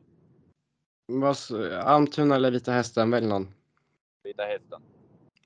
Vi kan väl börja med Thomas. Du var ju väldigt sugen på att prata om kaoset i den klubben eller vad man nu ska kalla det. Så jag låter dig ha en monolog. Får se om du lyckas få in kik i det. Ja, jag ska försöka. Eh, nej, men det, det är väl så att eh, Vita Hästen, eh, jag, jag har ju några kontakter, eh, eh, några källor ute i Hockeysverige och eh, är rörande överens om, om att eh, Vita Hästen som förening eh, finns det mycket som kan vara bättre. Inte minst organisatoriskt. Eh, och eh, det påverkar ju även då lagbygget. Eh, Eh, där eh, det är många som är tveksamma till vilka spelare, eh, lite i likhet med Södertälje, vilka spelare som får lämna och eh, vilka spelare som kommer in och eh, Ja, det, det är mycket helt enkelt som och sen vad jag förstår så är det väl inte det är en rätt rejäl schism också mellan eh, supporterleden, i alla fall de mest hängivna supportrarna och eh, klubbledningens styrelse. Så att eh, det, man kan väl säga eh, i korta ordalag att det, det finns väl en hel del att jobba på inom Vita Hästen. Eh, kanske framför allt utanför isen då eh, få ihop eh, en bra ledning. Allt från styrelse och ner till sportgrupp och ja. Som då även ger förutsättningar för eh, headcoachen då Tony Sabel att ställa ett bra lag på isen. Vad jag har förstått så eh, är det utifrån de förutsättningar som Tony Sabel har fått så tycker eh, hästen-supportrarna generellt att han har lyckats.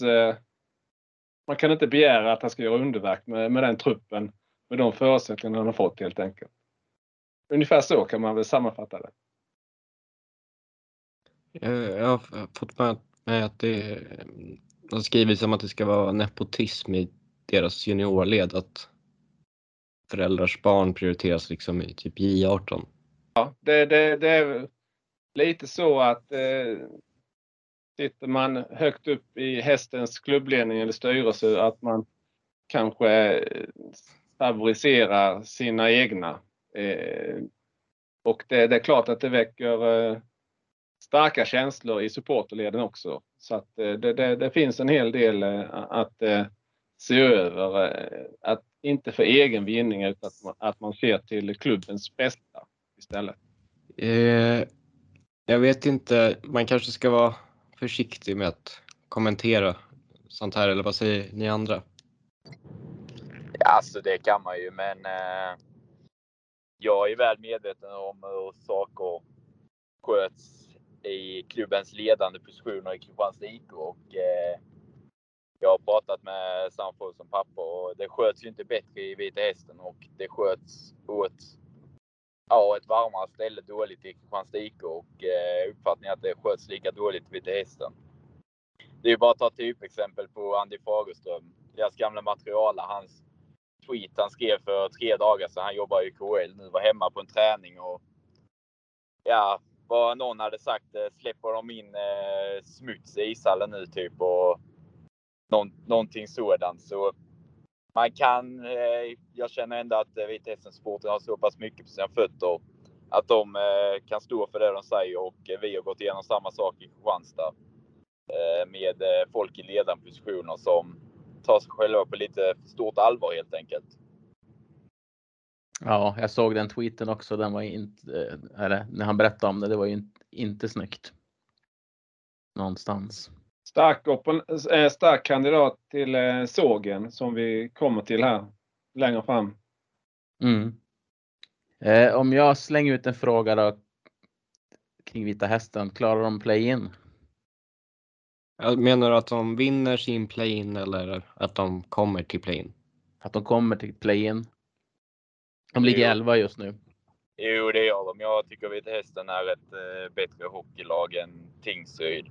Och jag tror att det står mellan de två att nypa tiondeplatsen. Eh, och sen, okej, Tingsryd har Tobias Bladeby, Alexander Lindelöf, men hästens spets med eh, Marenis, Marcus Eriksson. Jag tycker den är på en annan nivå. Och Både eh, Ore i mål framförallt har ju gjort det bra. Myrenberg också. Så eh, nej, hästen eh, nyper eh, tiondeplatsen. Ja, jag tycker också de är bättre än Tingsryd. Och jag ser inte att varken Almtuna eller ska kunna ta igen det. Och även om SSK skulle komma igång är nog poängglappet för stort att ta in. Almtuna kommer spela kval. Neråt. Ja, vi, får, vi ska prata om dem sen Johannes. Ja, förlåt. Jag gick händelserna i förväg. Men eh, två saker till som prata, ta, talar för Vita Hästen. Eh, det är det näst bästa laget i januari. De har plockat 2,0 poäng i snitt under januari månad. Jag tror det bara var BIK som var bättre där. Och deras PP som de alltid har ett bra PP i Hockeyallsvenskan. Ja, det fick väl du känna på Henrik. Ni åkte väl på ganska stor, stort bestryk mot dem på bortaplan för mig. Ja, precis. Eh, Lite förvånande egentligen kan man tycka. Vi mötte ju Vita Hästen tidigt hemma och det kändes egentligen som att vi var två nummer större där. Men sen så hade vi ju problem. Hamnade i underläge med 5-1 tror jag tidigt och gick upp till 5-4 men lyckades inte kvittera. Och sen, ja, sen hade vi en match till här precis som vi också torskade. Så att, ja, jag vet inte. Jag är väl inte jätteimponerad av Vita Hästen egentligen, men, men de har också passat oss illa. Uppenbarligen. Det känns som att de har varit ganska, det jag har sett, då, ganska klena defensivt, men haft ganska, ja, lurig offensiv då. Ett oberäkneligt lag helt enkelt. Backsidan är, är ju lite eh, speciell i Vita Hästen får man ju säga. Eh, Eh, Jesper Samuelsson eh, då är väl center, men han har i princip spelat back hela säsongen. Och eh, Filip Kruseman är, är ju anfallare. Han har ju till och från spelat back också så att det har varit eh, rätt stor ruljans på, på backsidan i, i Vita Hästen. Eh, och eh, nu har du dessutom fått eh, Jonathan Rasin blev ju avstängd här nu två matcher. Han gjorde, det var väl eh, en eh, tackling mot huvudet eh, här mot HV71. Så att eh, Å andra sidan så har ju Vita Hästen fått tillbaka Jakob Stridsberg från eh, Kristianstad IK. Och eh, Stridsberg fick ju, nu fick jag in KIK igen Adam. Eh, Stridsberg fick ju inte spela särskilt mycket i Kristianstad men eh, det var ju som någon källa jag pratade med Vita Hästen att eh, Tony Sabel visste ju precis vad han fick eh, när han fick tillbaka Stridsberg och eh, Stridsberg har ju verkligen eh, fått en pånyttfödelse den här säsongen i Vita Hästen. Jag vet en match när de vann borta mot Mora här, det var inte så länge sedan. Stridsberg gjorde ett mål och två assist. Och han spelar både i boxplay och i powerplay. Så att det är ju verkligen att Stridsberg har kommit in i den hockeyallsvenska säsongen på allvar. Han var, fick ju inte som sagt spela särskilt mycket i Kristianstad. Det är väl ett jättefynd av dem. Så här långt. Ja, som sagt, då hade han ju varit där innan så att eh, eh då eh, visste Tony Sauber precis vad han fick. Sen är det ju många spelare som har lämnat Vita Hästen tidigare som inte har eh, klivit fram i Vita Hästen men däremot exempelvis Rickard Rosén eh, fick ju inte så mycket speltid eh, men när han då kom till Kristianstad, nu har han ju verkligen växt och har ju dessutom varit och spelat SHL på lån med Malmö Redhawks så att eh, Erik Flod har också ett förflutet i Vita Hästen eh, exempelvis. Eh, också eh, en bra back i KIK nu. Så, så att eh, eh, ja, det är många spelare som inte riktigt har också gjort det omvända. De har inte riktigt tagit kliven i Vita Hästen men sen när de kommit till annan klubb så har de eh, slått igenom.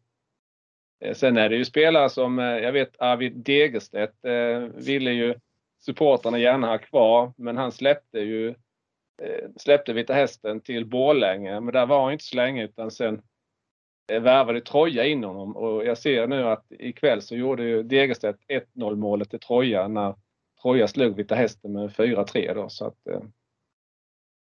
Men det är ju mycket, tittar man på eh, så Samuelsson är med och eh, Marcus Eriksson är med och det är ju de har vi gjort runt 15 säsonger var eh, i Vita Hästen. Så det, det är ju liksom, de har drivit det här laget hur många år som helst. Och eh, parentes där med Marcus Eriksson. Han var ju ute i kylan ett tag. Eh, spelade väl division, division 2-hockey IK Guds. Men blev tagen till Norder sen så att eh, ett tecken på att, eh, ja, lite konstigt hanterande kanske i klubbledningen eh, släppa en spelare som Marcus Eriksson. Och sen han, han har ju kanske genomgående varit den bästa spelaren den här säsongen i Vita Hästen. Och sen har de ju fått in ett riktigt stjärnskott i Marenis då ju. Inte minst det här målet som, då, som han är ju från Lettland, som eh, han gjorde mot eh, HV71, solmålet. Det är ja, det var sjukt snyggt. Det, det, är min kandidat i hissen i alla fall som vi kommer till längre fram här. Men det måste ju vara en av de bästa värvningarna under säsong. Ja. 22 poäng på ja. 17 matcher. Ja, det ser man ju underbetyget till alla allsvenska klubbar. Hur man scoutar eh, i division 1. Eh, ni i Södertälje har ju gjort ett fynd redan bra i år och kommer vara jäkligt bra kommande år om ni behåller Anberg och det finns jättemycket spelare att hämta i Hockeyettan som kan färga väldigt, väldigt mycket även i topplag i Hockeyallsvenskan. Och Marenis är det senaste exemplet. Det är, ja, alltså sett ihop eh, bästa lag i Hockeyettan, eh, de bästa spelarna, de hade varit hur bra som helst i Allsvenskan.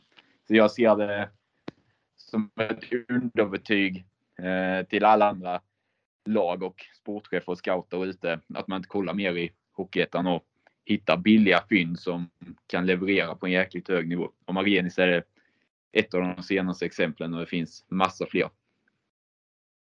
Ni har ju i, eh, i Västerås Östman har gjort det bra liksom. Också ett sånt fynd kanske inte många tänkte på som man hittar. KIK hittade Viktor Gran där och så vidare och så vidare. Det, nej, det måste Hockeyallsvenska klubbar bli ännu bättre. Jag håller med Max. Det var, var inte så länge sedan vi var ner en, en säsong i Hockeyettan också. Det var ju otroligt tufft. Alltså det, det, det finns jättemycket bra spelare i Hockeyettan. Vi tog in Jesper Appel där från, från Grums när vi hade backproblem och han var ju i ärlighetens namn hur bra som helst. Han var riktigt bra.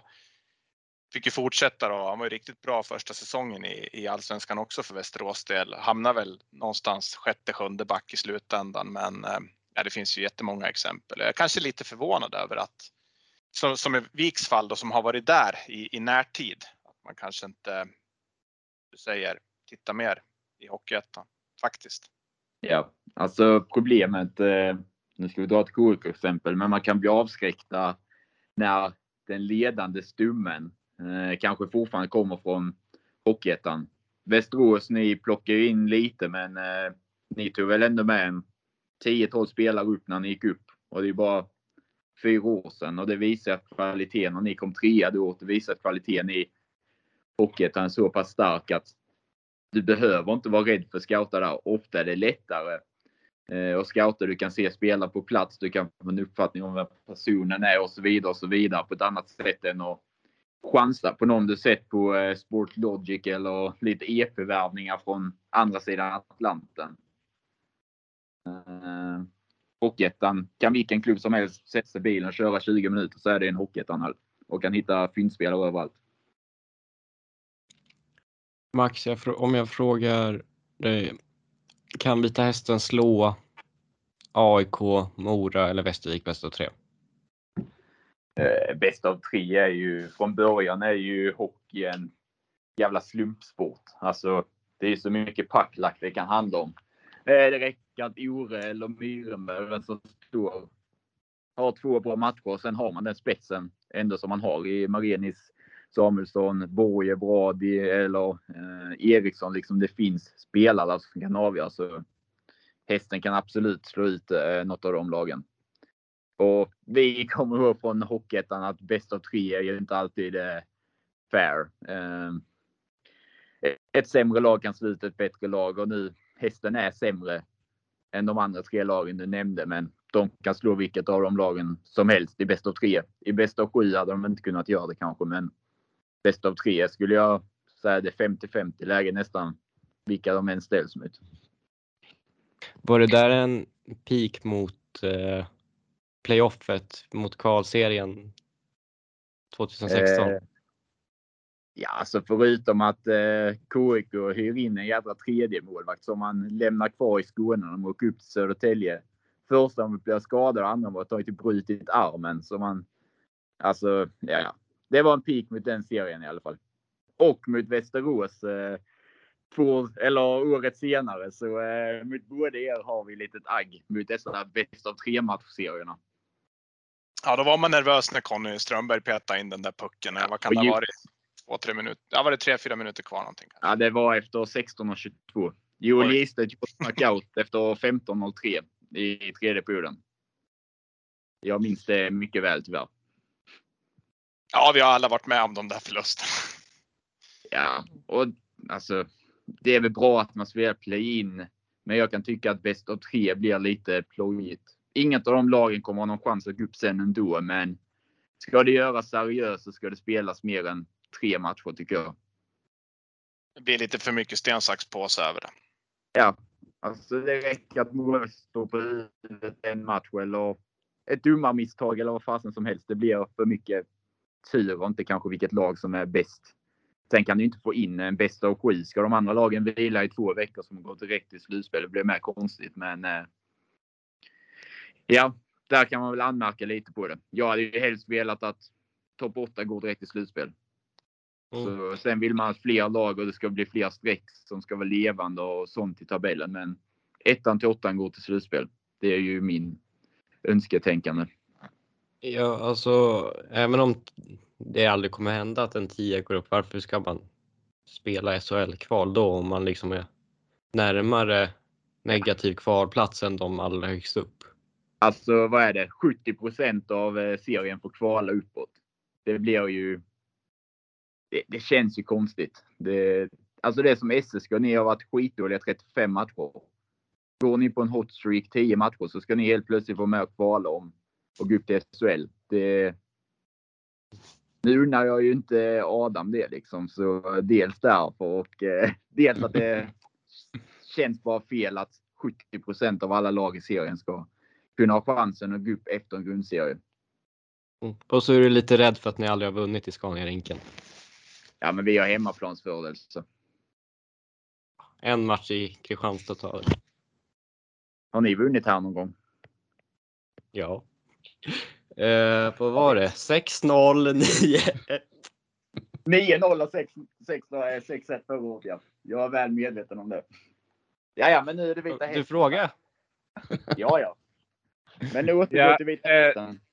Ska, ska, vi koppla tillbaks till Vita Hästen så eh, kan man väl konstatera att eh, eh det, är, det är väl eh, om nu rivaliteten mellan Leksand och Mora kanske behöver börja suddas ut lite om man ja, ska tro vissa kanske där uppe i Dalarna så är det väl fortfarande rätt stark rivalitet mellan eh, Vita Hästen och Linköping. Och eh, Vita Hästen fick ju faktiskt låna Jimmy Andersson från, från eh, Linköping.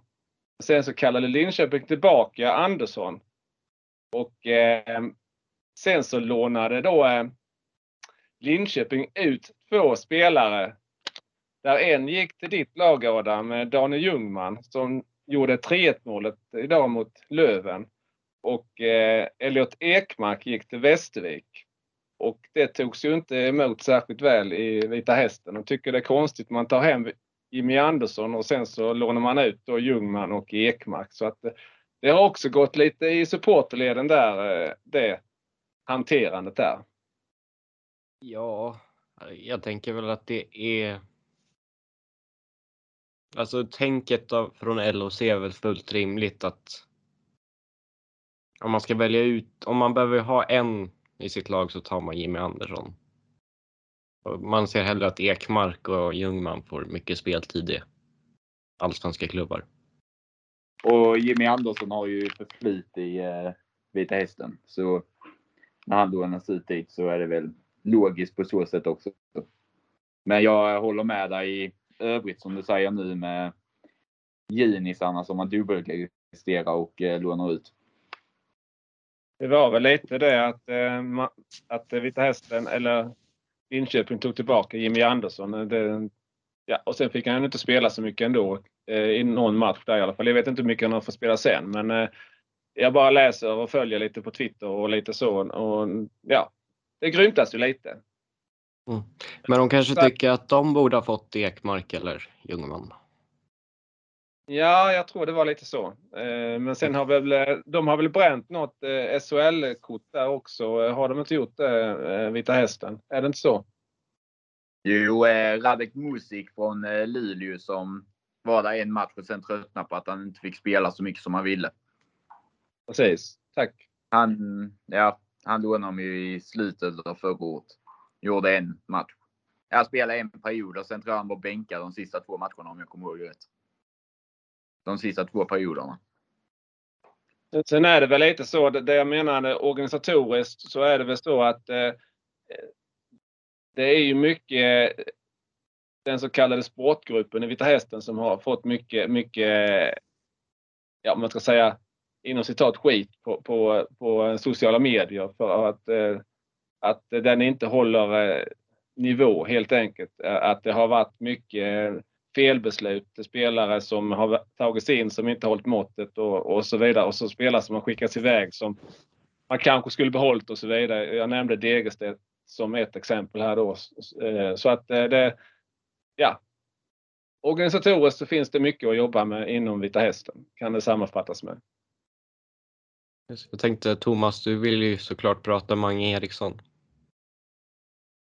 Ja, alltså jag tycker Marcus Eriksson, det är helt otroligt. Eh, Kristianstad IK, de hade sex raka förluster eh, och eh, Vita Hästen eh, kom som sjunde lag eh, och, som KG skulle möta. Och, ja, Max, ja, i alla fall jag hade förhand sagt att den matchen den måste KIK vinna. De hade ju mött Löven två gånger och Modo två gånger och Karlskoga och Västerås. Eh, sex torskar.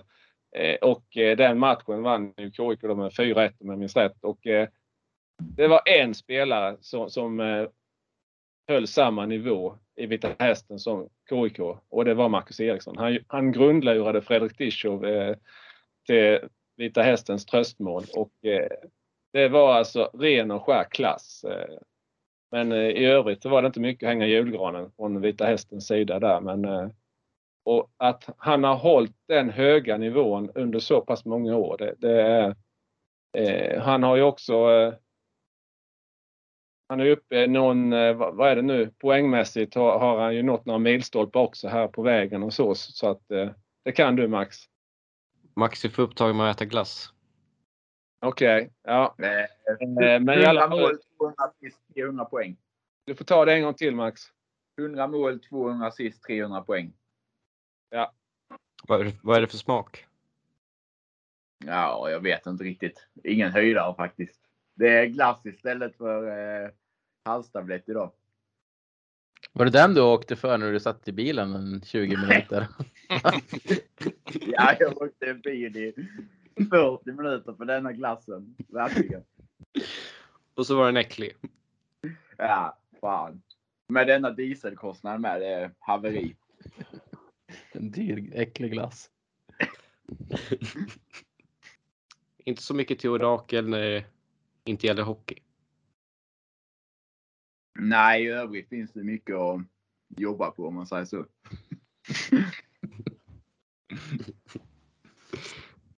Avbröt jag dig Thomas? Nej, det, det, är lugnt. Eh, Max han eh, daterade upp mig där på, på poängmässigt på Marcus Eriksson. Eh, så att jag tippade Vita Hästen som 11 i, i mitt tips och, och innan HR-starten. Och det, det, är ungefär där laget ligger idag. Och det var ju mycket med tanke på eh, duon där, eh, Jesper Samuelsson och eh, Marcus Eriksson. De, de, bär ju, de bär ju Vita Hästen säsong efter säsong och de är ju otroligt viktiga. Och eh, Jesper Samuelsson han eh, var ju skadad i princip hela förra säsongen. Han, han spelade nog inte match den säsongen. Så att, eh, eh, och han gör ju då så att säga comeback den här säsongen och eh, har då fått spela back. Ja, i princip hela säsongen. Så är det väl Max? Fast han egentligen är center då. Så att, eh, men eh, han, har, han är ju med i...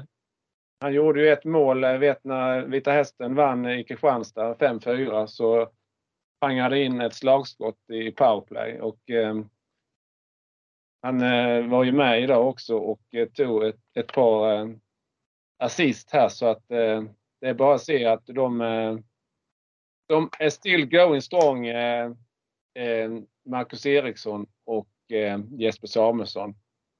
Eh, reduceringen. Eh, Oja tog ledning med 2-0 idag. 2-1 i powerplay var Joshua Wilkins, Jesper Samuelsson, Marcus Eriksson assist.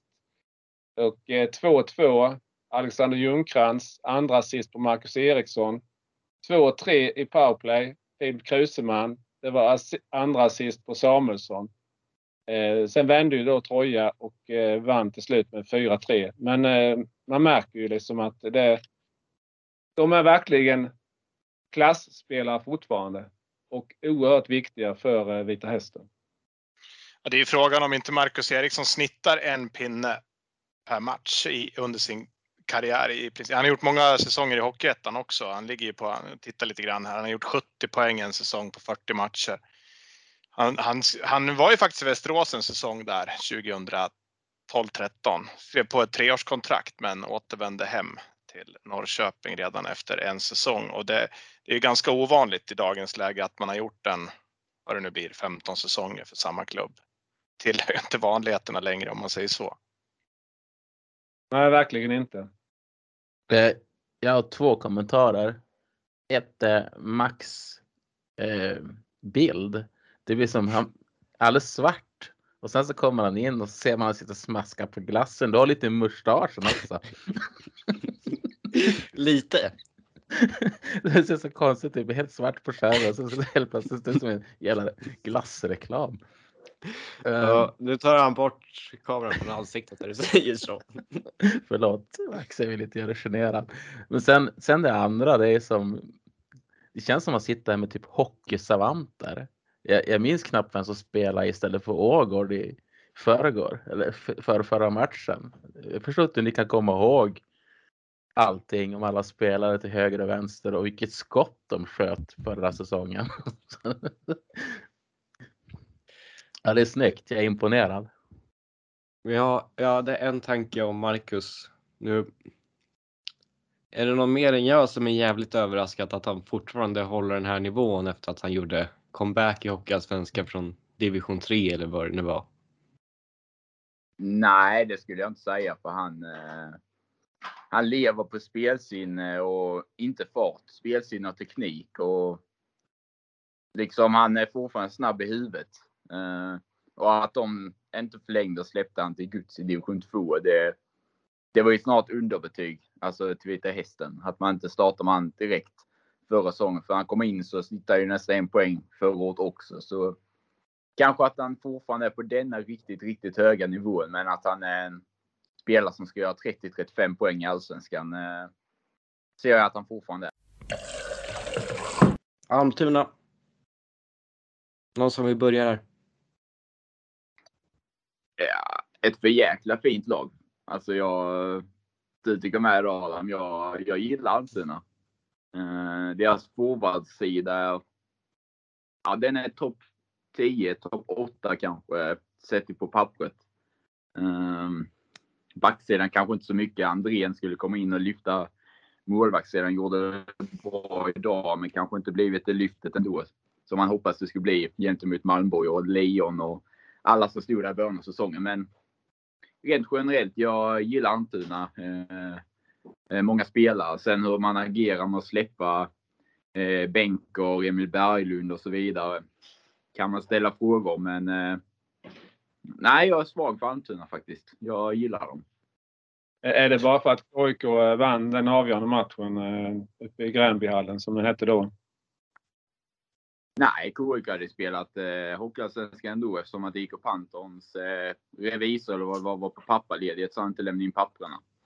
Nej, det bara generellt. Jag gillar Almtuna. Jag vet inte vad det är. Det är, men det är ett lag som inte väcker så mycket känslor utan man kan kolla på dem bara för att kolla på hockey liksom. Inget, man känner inget för dem förutom att det är roliga spelare att kolla på. Många i deras lag. Typ Asplund, eh, N- Norberg gillar alltså många där som jag väldigt mycket uppskattar. Jag, jag, vill bara, jag känner mig lite kränkt att du säger att jag gillar Almtuna.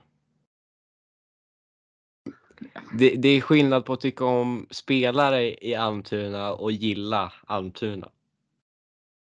Ja, det kan det väl vara, men eh, nej, jag vet inte. Det är någonting med Almtuna som jag gillar. Det kan jag stå för. Alltså Gillar Almtuna, Almtuna och Västervik är ju två lag man önskar tvångsdegraderades till division 3. Ja, alltså. Nej, det. Jag tycker båda bidrar med någonting.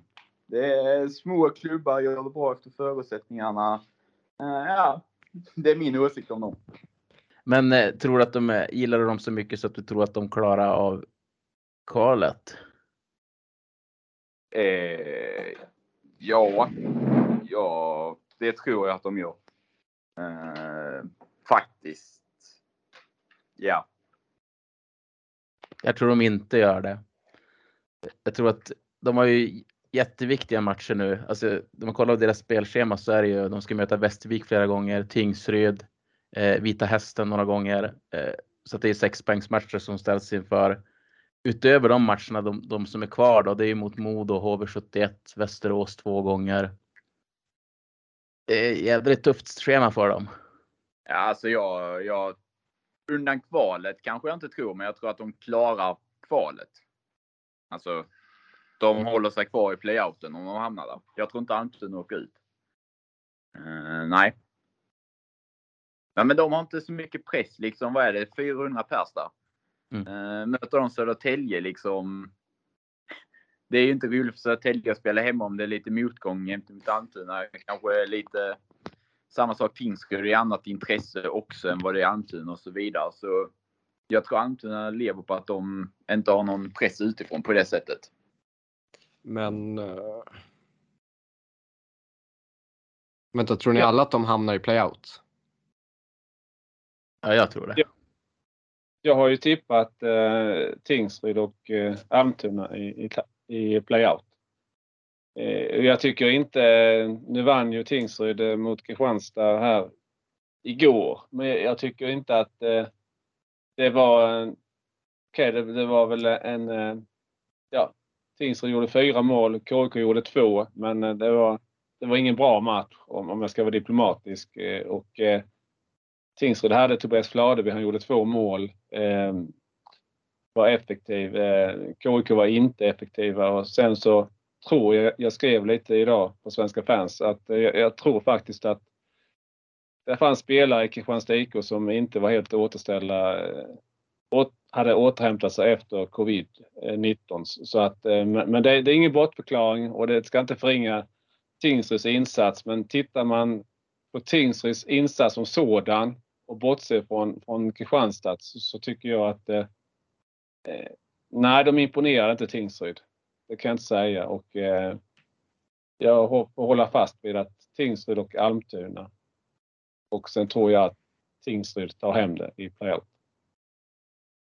Sen ska man säga att eh, idag åkte ju då eh, Almtuna på en ny uddamålsförlust.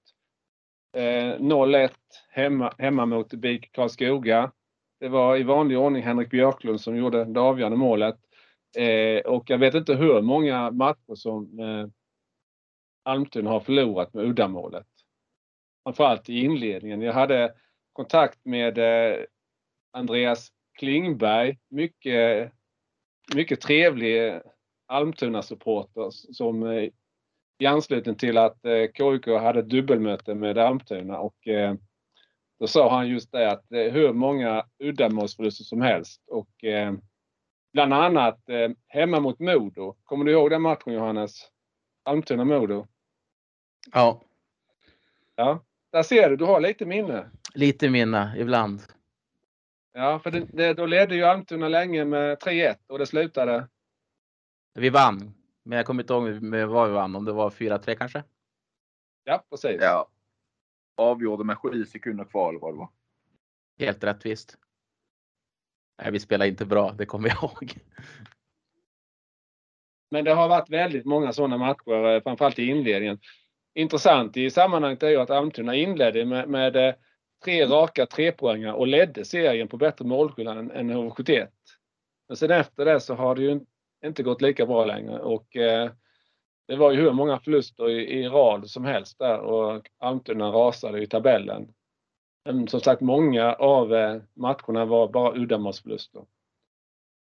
Och eh, när jag då pratade med Andreas Klingberg där så var det framförallt målvaktssidan som, som inte riktigt, Max han nämnde ju det här i början, som höll måttet. Och, eh, sen fick de in Isak Johansson eh, lagom till eh, när eh, det mötet, först så mötte Kristianstad eh, Almtuna på bortais och sen två dagar senare på hemmais. Och Isak Johansson kom in precis i den vevan och fick direkt ställa sig i målet.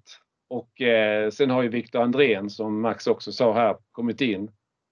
Och Andrén har ju stått på högre nivå så frågan är om Andrén ska kunna rädda Almtuna trots allt kvar i Hockeyallsvenskan. Får jag prata om några spelare jag tycker om i Almtuna? Absolut.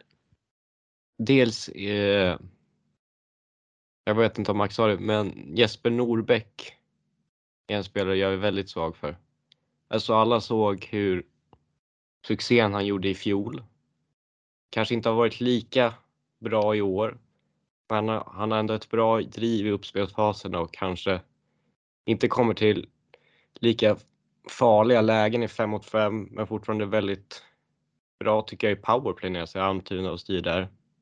Eh, Hampus Halestam också väldigt bra i PP. Kanske inte lika stark i 5 mot 5. Men tycker ändå han gör det helt okej okay där. Eh, ryssen vars efternamn jag inte kan uttala, kan någon hjälpa mig med det? Jag kommer inte riktigt ihåg. Golovkos tror jag han heter.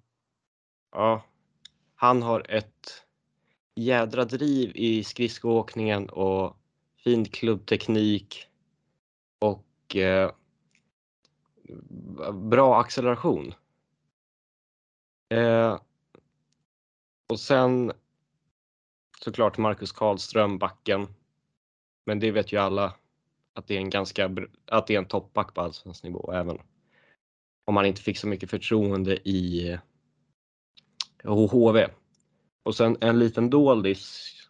Eh, Lukas Torstensson har jag för mig att han hette. Jag pratade med Viktor Jansson om honom som driver Hockeysiffror, Twitterkontot.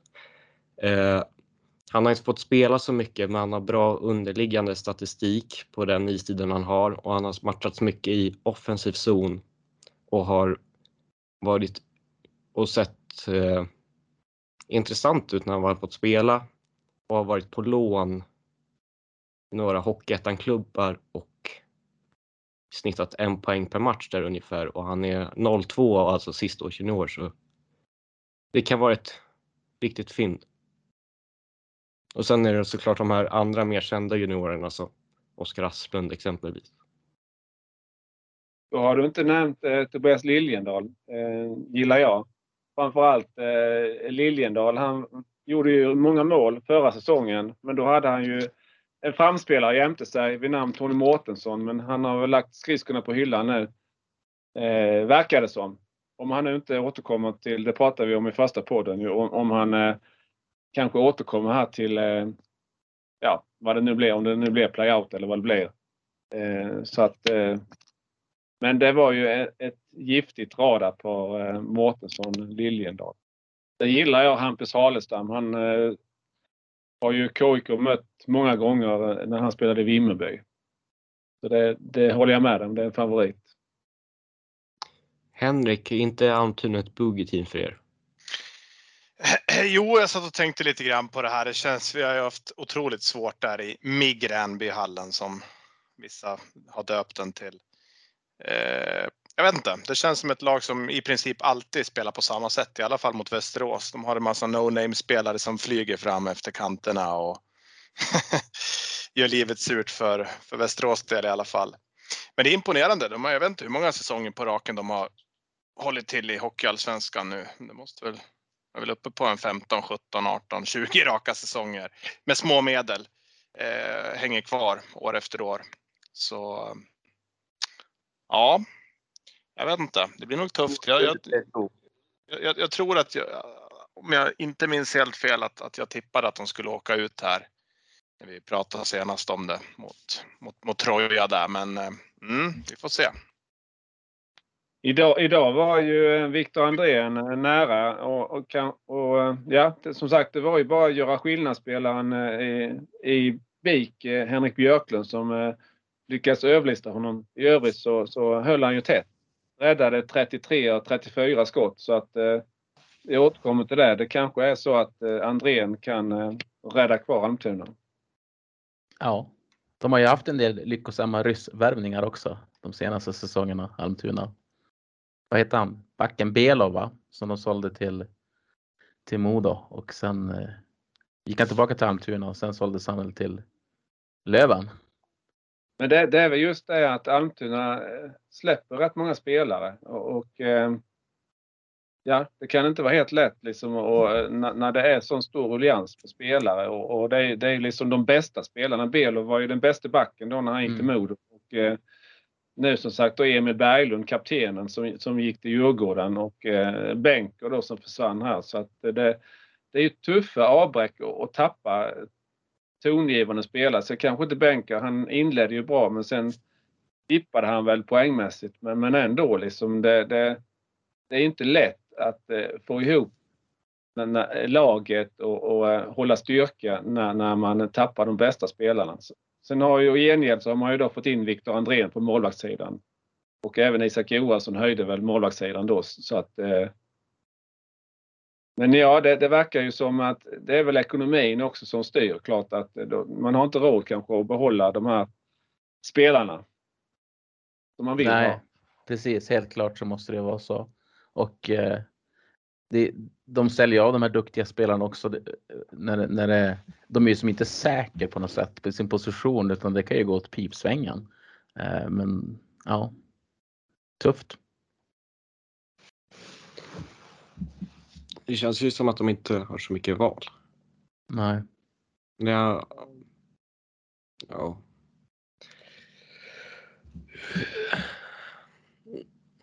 Det är, om man drar det långt så går det väl till, ända till tv-pengarna. Inte så lätt för alla små klubbar att bedriva en verksamhet säsongen ut. Nej, och så, precis som, som det Max är inne på också, kommer det 400 på hemmamatcherna så det är inte så mycket deg som trillar in på försäljningen där. De har inte drabbats så mycket av restriktionerna detta året i alla fall. För i KIK då mötte de ju med typ en månads mellanrum. Det var ju mer pers där nu i januari när det var begränsad publikkapacitet än vad det var i december när det fick vara hur mycket som helst. Det var 286 på den i december och typ 420 den i januari. Men är sen, typ att ni var inne på det med att sälja av. Ni var inne på det med att sälja av spelare. Det är ändå ganska... Almtuna måste nästan vara enda laget som säljer av spelare när de ligger i botten. Västervik säljer av, men de har ju redan säkrat sitt kontrakt varje år när de släpper sina spelare. Mm. Almtuna gör ju det liksom i väldigt prekära tabellpositioner. Var ganska många säsonger. Ja, så är det. Det är gambla högt. Sen är ju Uppsala en, en, en stor stad med svenska mått mätt och det har ju pratats om den här nya arenan i säkert tio år minst. Som, jag vet inte varför beslutet. Det är väl några fornlämningar där va? Så vitt jag förstår. Som har stoppat det där bygget några gånger. Men eh, det är klart att eh, det kanske skulle behövas för att få en skjuts framåt. En ny arena. Ja, men det är ju bara att kolla studenterna Sirius. De byggde om sin arena i fyra år i Allsvenskan. Det var ju två sektioner som var nedstängda fyra säsonger i rad typ. För Sirius i fotbollsallsvenskan. Mm. Så det verkar ju inte vara någon raketfart på eh, något annat än studiorna i Uppsala. Tycker du inte om den där Jag arenan? fick det i Henrik? fabriken, Max. Tycker du om att åka dit en gång per år och se? Ja, Fint. jag har varit där. Tre gånger har jag varit där. Jäkligt trevlig, eh, trevligt ställe. Eh, goda kanelbullar, precis som i Västerås. Ja. Hellre det än att betala 200 spänn för en hamburgare på Hovet. Ja, jo, det, det kan man säga. Men eh, du var inne på en intressant sak där med tv-avtal. Många supportrar i Allsvenskan tycker ju att det ska regleras ut efter hur mycket intresse olika klubbar drar. Att typ Björklöven, Modo, HV skulle få större del av det. Eh, vad är er åsikt om det? Att det nu delas jämnt på. Skulle ni tycka att det ska delas mer av vilka klubbar som drar mest intresse till sig om man kan säga så? Nej, det tycker nog jag. Jag tycker nog att det ska vara som det är nu i så fall. Sen, sen eh, om vi pratar tv-pengar så är ju fördelningen fruktansvärt sned mellan SHL och Hockeyallsvenskan. Det, det är ju Det är där, där största problemet är. precis. Och sen kan man säga så skulle Almtuna få den procenten av tv-avtalet som de har intresse. Då skulle de ju inte kunna driva sin verksamhet i Allsvenskan. Även om Nej, alltså, de pengarna inte är stora så skulle ju Almtuna, Tingsryd kanske, sådana lag, KIK, även om det är jäkligt lite pengar så är det pengar som är otroligt viktiga för småklubbarna. Kanske inte för Modo, Björklöven, HV. Men för de mindre klubbarna, så de få miljoner som tv-avtalet är, så är det ändå en stor del av budgeten som man jobbar med under en säsong. Ja, så om man skulle gö- göra som du säger, säger att en del tycker att fördela tv-avtalen mellan klubbarna i en liga baserat på intresse. Då kan vi ju lika gärna mer eller mindre slänga ihop alla storklubbar i en Mm. stängd serie för det skulle bli så stort ekonomiskt avstånd så det skulle liksom bli döden för svensk elithockey. Exakt. Jag håller med er. Det, man ser ju folk, men det är som jag sa, liksom, klubbar hade inte överlevt. Det, det är lätt för Björklöven, Modo, sådana stora lag att säga, men eh, för mindre lag så då är det döden för deras verksamhet. Ja, nej, det går ju inte. Det blir ju, det blir ju så orättvist i så många aspekter. Så att eh, nej, det måste delas Och det- lika. Och det är väl redan uppdelat sett till hur mycket, eh, vad säger man, studiomatcher och sånt som Björklöven och Modo får eh, gentemot typ KIK. Mm. Mm. Vad har ni haft ett år åt Modo? 15 studiomatcher? 10-15? Ja, det tror jag är en bra gissning. Eh, KIK har haft fyra, fem studiomatcher på snart tre säsonger. Och då var en studiomatch för att de fick paniksätta en studio på Väsby KIK match 5. Det tog typ 10 sekunder innan jag förstod din skånska där. Jag tyckte du sa studiematcher och inte studiomatcher. Ja, ja, ja, ja, ja. Tycker jag pratar eh, bra rikssvenska. Ja, men däremot så tycker jag om vi ska prata om, om de här tv-intäkterna, alltså om man, om, man, om man kollar lite grann, det ligger ju ungefär någonstans 95-5 i, procent. 95-5 i procent mellan Hockeyallsvenskan och SHL och det är ju, det är ju egentligen helt orimligt i och med att eh, allting ligger under samma plattform, Simor. Och man kan ju säga så att eh, om Modo och Karlskoga möts och Skellefteå möter Rögle. Hur många fler är det som kollar på Skellefteå och Rögle? Jag Ja, det är inte säga att- 95 procent fler i alla fall. Nej, jag skulle säga att det som mest är 60-40. Alltså, en toppmatch i allsvenskan drar minst lika mycket tv-tittare som en SHL-match. Men där är ju frågan egentligen hur urusla man har varit på att förhandla fram de här avtalen historiskt sett. Ja, jag vet inte. Det... Och vad nu? Det blev förlängt till hur långa har Simon allsvenskan? Är det 26-27 2028? tror jag. Ja, 26-27. Det är ju... Man kan ju hoppas att det tas upp en eh, liten ja, förhandling om det, liksom hur man kan göra det bättre för de allsvenska klubbarna. Mm. Jag, jag har hört att det finns planer att omförhandla redan i Ja. sommar. Man kan säga så. Farmarliga säger man att allsvenskan är. Men framför det största farmarligan den är ju för Simo. I en SHL kontra allsvenskan är ju största farmarliga skillnaden hur Simo behandlar ligorna. Sett till eh, bevakning, eh, tv-avtal och så vidare och så vidare. Så där sätts ju direkt från början en stor skillnad mellan ligorna ifrån sändande bolag kan jag tycka. Som är alldeles för stor. Det skulle också hjälpa de här mindre klubbarna också att utveckla sina juniorverksamheter. Mm. Få upp sina lag till kanske vad heter det? J20 region tror jag andra serien heter i alla fall. Ja, vi kanske skulle också slippa en hel del av den här lånekarusellen som vi har pratat om. En hel del. Ja, och, och att inte behöva få 200 000 på bordet känna fasen ska vi klara detta året behöver vi släppa spelaren.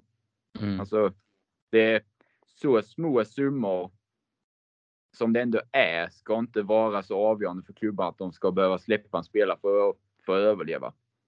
Eh, och det ska ju tv-avtalet reglera på ett bättre sätt att täcka upp med att de får mer pengar från början. Kan jag tycka. Sett till nivåskillnaden mellan ligorna så är eh, rent hockeymässigt och intressemässigt så är ju tv-avtalet så jäkla snedskrivet och det, det är ju inte Simor primärt. Det är ju förmodligen Hockeyallsvenskan hur man har förhandlat det från början.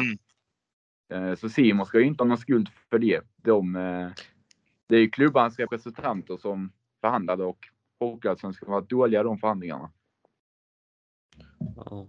Ja, det skulle vara jätteintressant att se en siffra som, som du är inne på där. Om, om man nu tänker två hockeyallsvenska lag som möter varandra kontra två SHL-lag i, i publik i, i, i procentfördelning. Det är ju inte 95-5 i alla fall. Jag, jag, jag tror någonstans som du säger där 60-40 någonstans.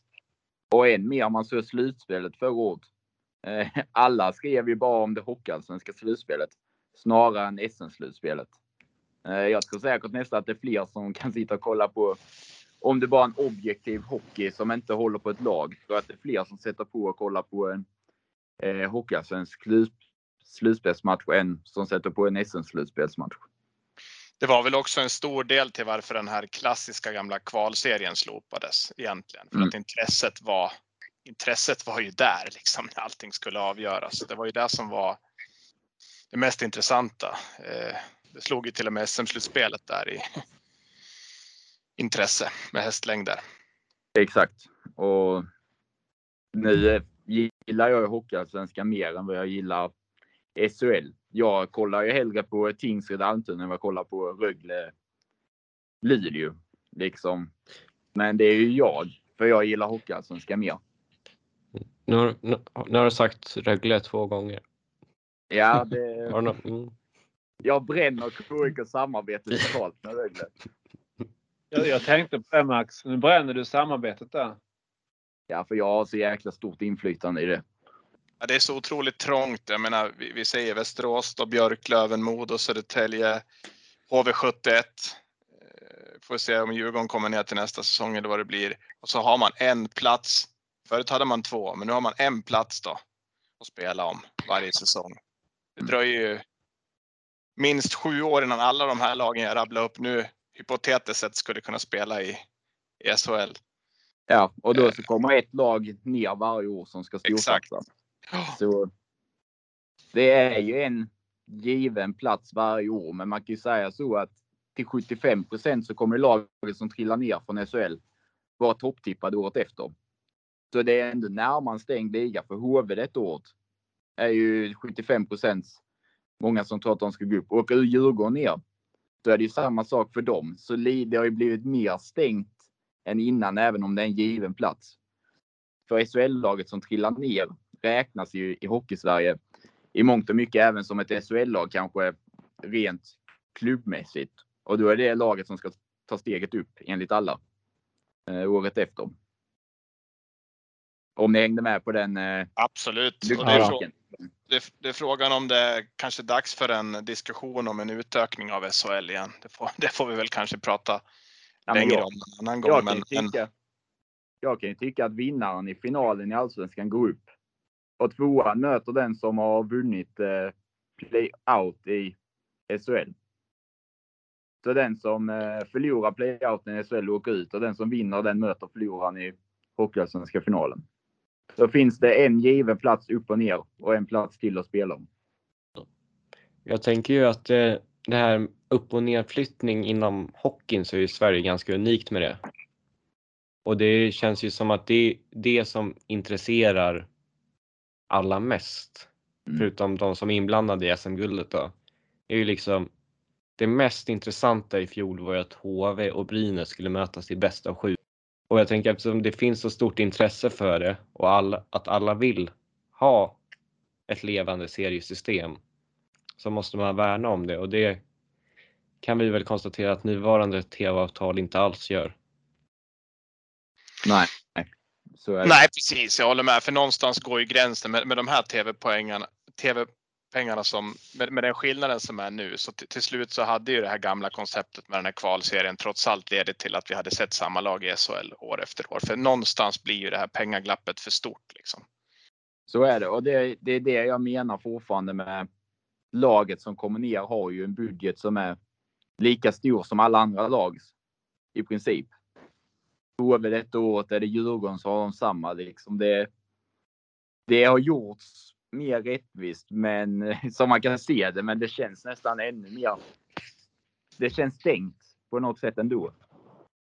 Eh, För det är 15 SHL-klubbar kan man säga och 13 allsvenska klubbar, även om ett av SHL-lagen spelar allsvenskan. Varje säsong. Ja, det var mycket Almtuna-snack. Ja, nu kommer vi... Jag hade ju inte ens tänkt diskutera det här, men Ja, men jag tycker det är en viktig fråga att lyfta. ja, Eh, absolut. Men ja, det känns som att vi är överens och att vi har lyft det viktigaste inom det. I alla fall. Det tycker jag. Jag har en fråga till er som jag kom på nu bara för att jag insåg att jag kanske eh, provocerade Almtuna supporter och Västervik supporter som lyssnar på det här ganska grovt. Eh, av, av de här bottenlagen vi har pratat om i podden, vilka vill ni ska åka ut? Oj, vad Så- känsligt. Helge. Nej, alltså. Ja, alltså rent KIK-egoistiskt så gillar man ju att ha. Många skulle säga, ah, fasen vad roligt att eh, Tingsryd och Troja skulle spela Hockeyettan för då är KIK bättre. Men jag vill ha dem i serien. Almtuna berör ju inte så mycket, men som sagt, eh, jag gillar Almtuna så. Eh, jag vet inte. Nej, jag vill också. Jag vill åka till Uppsala, så jag, jag vill att Almtuna stannar. Det vill jag. Eh, Johannes skickar ut Björklöven. Ja, precis. De har ingenting i Hockeyallsvenskan att göra. Nej, men jag tycker det är jättesvårt att. Eh, ehm, ja, sjukt svårt. Alltså, man imponeras ju ändå av Almtuna som har så lite pengar som måste sälja iväg spelare år efter år fast de inte är safe någonstans. Eh, ja. Nej, alltså jag tycker, jag, jag, tycker, jag tror de ligger risigt till, men ja, jag vet inte. Samtidigt är det kul också när det kommer upp ett nytt lag som man inte känner till och de börjar härja på i Hockeyallsvenskan. Hade du koll på KIK när vi gick upp? Nej. Ingenting. Jag hade ju inte koll inför den här säsongen heller. Jag tipp- tippar ju tippar att ni ska spela, spela mot Troja i, i, om att hålla sig kvar. Ja, men den då. Vilket lag från Hockeyettan vill ni? Vänt, vänta, undviker ni min fråga bara? Thomas, du har inte ens sagt ett ord. Nej, alltså. Jag måste ju. Jag har ju sagt det innan att jag. Eh, jag är ju uppväxt i Markaryd och jag har ju eh, till och med jobbat i Ljungby och på Smålänningen där och, och bevakat Troja så att eh, ja. Troja måste jag ju på något sätt ha kvar och jag har ju liksom minnen från Troja när jag följde dem när jag växte upp som sagt. Kenneth Sutan Andersson och Piro Alexandersson och så vidare så att Sen tycker jag Tingsryd, det, det är lite den lilla byn att man kan ha ett hockeylag där. Liksom det, det, ja, jag vill gärna ha kvar Tingsryd med för att det eh, jag vet att de, de kämpar ju nu för att få en ishall som, som eh, ska vara värdig eh, Tingsryds AIF och kommunen och, och eh, ja, orten och som sådan. Så att eh, det hoppas verkligen att det går i lås allting där. Det är inte så lätt att få ihop det i en, i en sån liten by. Men eh, jag vill ha kvar Tingsryd. Jag vill ha kvar Troja. Eh, Västervik, eh, om jag ska säga något lag. Eh, jag tippar ju att de skulle komma näst sist. Eh, men de överraskar ju mig säsong efter säsong. Så att, eh, men eh, ja, jag, jag kan säga att jag har inte så mycket känslor för Västervik. Så att, eh, där har du ett lag i alla fall Adam. Alltså vilket lag som ska komma upp från ettan. Tänk vad roligt om det ska vara Boden. Jävlar vad livat det skulle bli. Ingen rolig bortamatch dock. Nej, jag vill bara ha in dem för att det ska bli totalt kaos. Huddinge är ett lag jag skulle vilja se i Allsvenskan, men jag har ingen aning om hur det går för dem. Nej, de har bara, de har bara 15 poäng. De är långt efter topplagen i sin alletta. Det står Men- ju. Det står ju typ mellan Nybro, Hudiksvall, eh, Karlskrona. Är väl de tre topplagen. Jo. Eh, Och Dalen- Hammers. Surahammar ja. Givna fina Surahammar. Ja, det måste ju vara laget man vill ha upp. Ja, definitivt. Nej, men rent spontant Karlskrona. Det frisk fläkt. Och jag tycker att Karlskrona eh, blev ja, typ misshandlad utav eh, Hockeyförbundet med ekonomiska problem för man skulle bygga en jävla arena. Sen så slopar man typ arenakraven och allting och skickas ut liksom inte på sportsliga grunder. Så Karlskrona, eh, även om det är en av KIKs största rivaler så eh, tycker jag att de kan bidra ordentligt i allsvenskan. Har du någon förkärlek, för, förkärlek till Småland? Eh, Karlskrona ligger i Blekinge om jag får be. Ja, just Samma sak. Eh, ja, ja. Hur går det i geografin? Vad har du för betyg? Jag har inte haft det i gymnasiet, men jag tror jag fick A i nian. Ja, jag skryt. Nej, men eh, jag har ingen förkärlek för Småland. Men Henrik, vilket skulle vara hetaste rivalmötet? Eh, Karlskoga eller Surahammar? Eh, ja. Ja, Surahammar det är ju två mil så att det är klart att, att det skulle vara hett på det sättet. Sen är väl det ganska orimligt att tro att, att de ska gå hela vägen. De är ju, jag vet inte om det är 6-7 år på raken som de har kvalat för att hålla sig kvar i, i ettan och sen eh, den här säsongen har de fått en li, riktig lyckträff nu då men eh, det är klart att det vore jätteroligt om, om de skulle på något vis skrälla sig upp men jag tror inte att det kommer ske. Och sen för att knyta samman till Almtuna så plockar väl Almtuna Surahammars kapten. Just det, Astle, André Astle Rydberg va? Exakt. Så där kom vi tillbaka till Almtuna. Och de här övergångarna mitt under säsongen som känns sådär. Visst hade det varit så lätt den här frågan vilket lag som ska åka ut om Panten hade spelat kvar? Nej, nej, nej, jag kan inte säga att jag gillar Panter med, men jo, det gör jag. Framförallt när man mötte dem i Hockeyettan och spelade i Kirsebergs ishall. Det var, Den var kall. ja, men det var, det var, det var trevligt. Och så hade de hon gamla tanten. Hon, eh, när man kom till matchen, då stod och både sålde biljetter och 50-50 lotter och grillade korv. Och sen så för, när man gick ut i pausen, då kokade hon kaffe och skötte grillningen och stod i kassan. Och så var det samma. Sen efter så eh, hälsade hon alla eller tackade alla för att de har varit där. Så hon, jag har ingen aning vad hon heter, men hon är värd att eh, komma tillbaka till allsvenskan. Jag, jag instämmer. En eldsjäl ute i fingerspetsarna, verkligen. Och så Jocke Tillgren tillför ju alltid. Oavsett vilken nivå han är.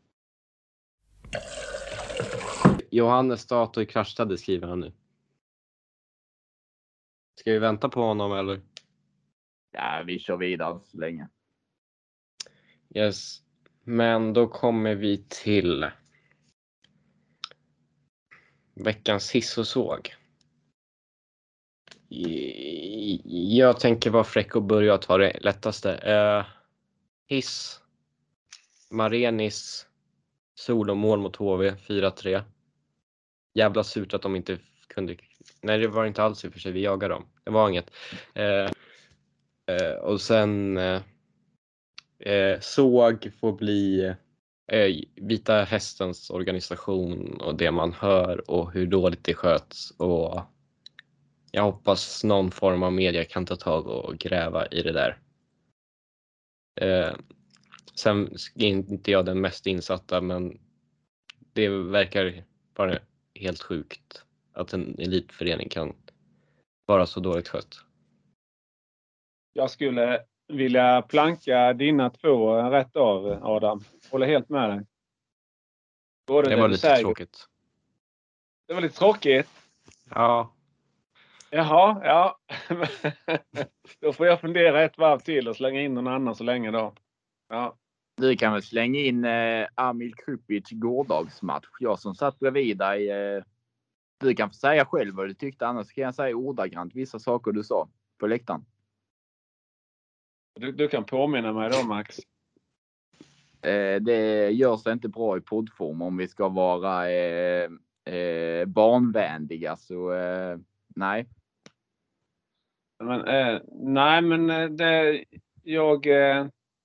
Där och då under matchen så, så hade jag synpunkter. Eh, en annan svordom eh, kom också. Men eh, sen så när, när jag kom hem, funderade och såg på saken. Som sagt så, så skrev jag ett inlägg idag på, på Svenska fans. Och det kan ju finnas, jag säger kan, kan finnas anledningar till att det såg ut som det gjorde igår från KIKs sida. Eh, hade ju spelat match innan den 24 januari. Då blev det förlust 2-7 hemma mot eh, Björklöven.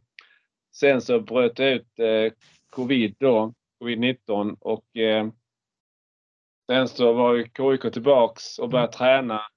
Vilken dag var det Max? De var tillbaka och började träna. Tisdag. Tisdagen. Och sen så var det då match eh, där igår då och eh, ja, jag, jag tror faktiskt inte att alla spelarna eh, var fysiskt redo kanske. Men det är en tunn trupp. Thomas, Och, eh, ja. jag, jag känner att vi redan har pratat lite om det där, men eh, Ja. eh, Johannes behöver gå snart så jag tänker att han Nå, kan få Då får han ta säga såg. sin såg och hiss. Jag såg en kan jag ju ta. Eh, det här hände ju för några dagar sedan. Eh, på Twitter faktiskt utspelade sig den här incidenten med våran svenska fanskollega Oliver, eh, Bikaren som gästade oss. Hans artikel kom ut igen som han hade skrivit i december när han kritiserade eh, BIK och eh, en del spelare där. Och då var det en person som hade lagt upp artikeln och eh, skrivit lite grann så här att ja men eh, kolla vad som har hänt sedan den här kom ut och BIK har ju gått riktigt, riktigt bra. Och sen var det en ordväxling där mellan Oliver och eh, den här personen då som visade sig vara marknadschef i Karlskoga. Patrik Bengtzén. Ja, precis. Och då skriver han till slut till Oliver så här att det är skillnad på kritik och hänga ut individer på det sättet du gör. Jag tycker en patetisk krönika och det står jag för. Du får gärna hänga ut klubben, laget eller kontoret, men du hänger inte ut enskilda individer. Och jag var tvungen att läsa det här flera gånger för att se vad fan skriver han egentligen? Är, är det här på riktigt? Har vi alltså en marknadschef i en av de Eh, klubbarna som går bäst i Hockeyallsvenskan som säger åt en skribent på Svenska fans att han inte ska få hänga ut enskilda spelare. Då kan man ju undra lite grann vilken fantasivärld de lever i, de här spelarna. Eh, Det var dessutom spelare som hade gillat just den tweeten. Så att jag ifrågasatte ju honom kring det här. Fick inget svar överhuvudtaget. Sen vet jag att andra frågasatte honom också. Till exempel Navid som jag hade på besök alldeles nyss. Eh, sa ju också att jag har till och med lite skillnad på enskilda eh, personer och eller är det kanske professionella idrottspersoner? För det är precis det det handlar om. Eh, men att man svingar neråt mot en supporter på det där sättet. Det- Och vi har hört andra exempel ikväll också med klubbledningar som beter sig pissigt. Alltså, det- jag tycker det är så jävla dåligt. Och dagen efter hade han ju tagit bort den där tweeten. eh, Vill inte stå för någonting uppenbarligen. Eh, Svarar inte på några frågor heller. Så att min veckans såg går ju absolut till honom. Han ska ha bett om ursäkt också. jag. Ja, jag pratade med Oliver och han sa det att eh, han fick ett PM eh, dagen efter där han hade bett om ursäkt. Men Oliver sa ju det också att eftersom effekten, eller ursäkten inte kom offentligt så fick han ju fortfarande sitta och ta emot en massa andra PM från arga supportrar som tyckte att marknadschefen agerade helt rätt. Jag tycker att det var för jävligt gjort. Och jag är så glad att min klubb inte beter sig på det viset. Jag vet inte om ni, om ni såg det. Jag vet att vissa av er såg det och reagerade också, men för mig var det väldigt bitter eftersmak. Och grejen är också att den där tweeten hade aldrig kommit ut om, om Oliver hade istället för sina 34 följare som han hade då, om han hade haft 34 000. Det finns ju inte en chans på världskartan att marknadschefen ens hade vågat gå i clinch med honom. Nej. Jag håller med till fullo. Och jag tycker man ska oavsett om han håller med Olivers krönika eller inte så ska man värna om det finns supportrar som är villiga att lägga ner ideellt arbete. För sånt skapar intresse kring ens lag. Absolut. Eh, och det här är ju en ganska hängiven supporter också som har hjälpt dem med sina eh, med ekonomiska medel också. För när han haft studielån och liknande. Han Ändå skänkt pengar till dem. Um, ah, jag tyckte det var så jävla dåligt bara.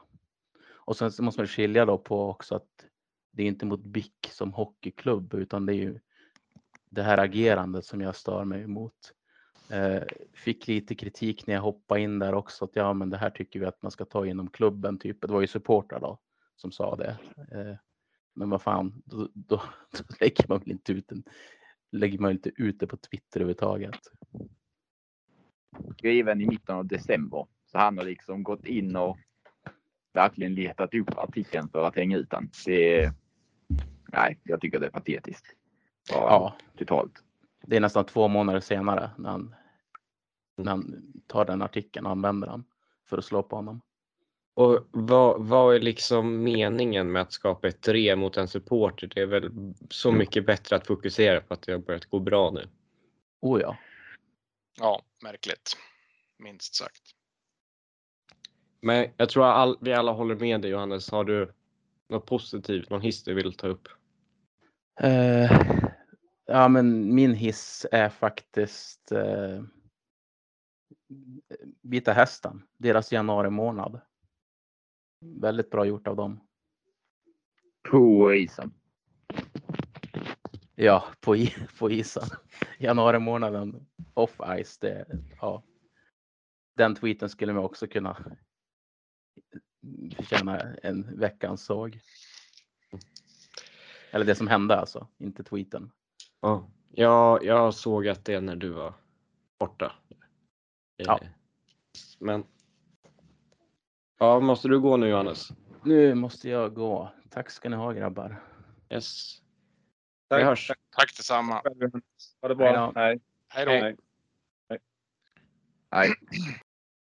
Du Max, jag gillar att du sa till Thomas att du kan säga det ordagrant och sen när han inte kommer ihåg så säger att det inte alls går.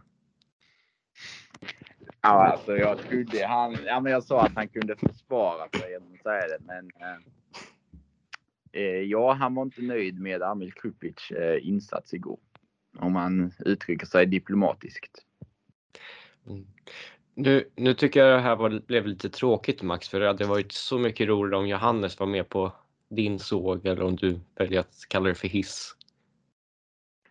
Ja, men det är ju Johannes eh, minne liksom. Eh, och hans eh, pizzaberoende.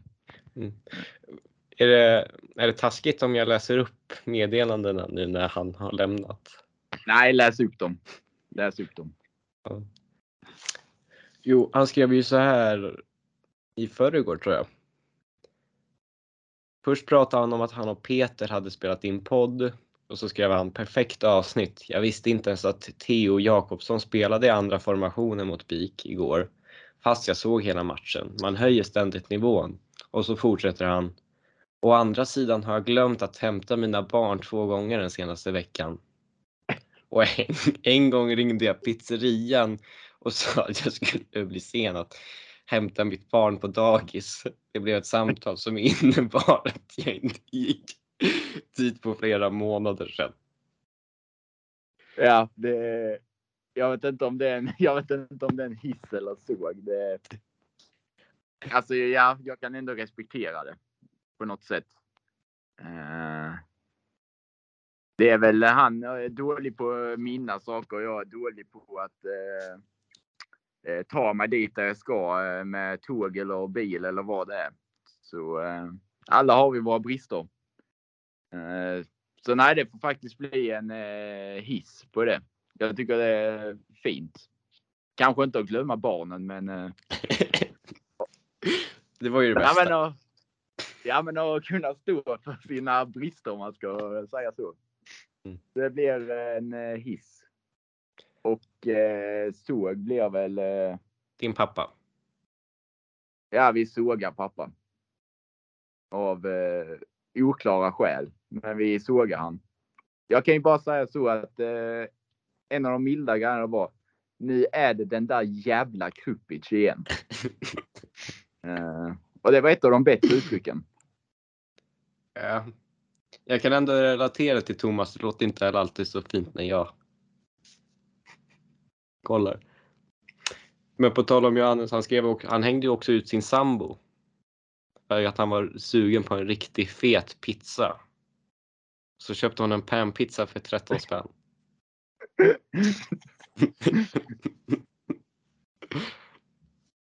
Ja. Vi får ju kanske parterapi där um, efter denna podden har släppts. Ja. Det, det kanske du också behöver efter IKEA-dagen. Ni kanske får göra någonting ihop. Ja. Någon gång. Vi, ja. Vi ska kolla KIK och AIK imorgon tillsammans. Tror du nu i alla fall. Ja, det blir nu ändrade planer på det. Eh, Du Henrik, du har suttit här och lett ett tag. Eh, har du någon såg och hiss? Det är klart jag har.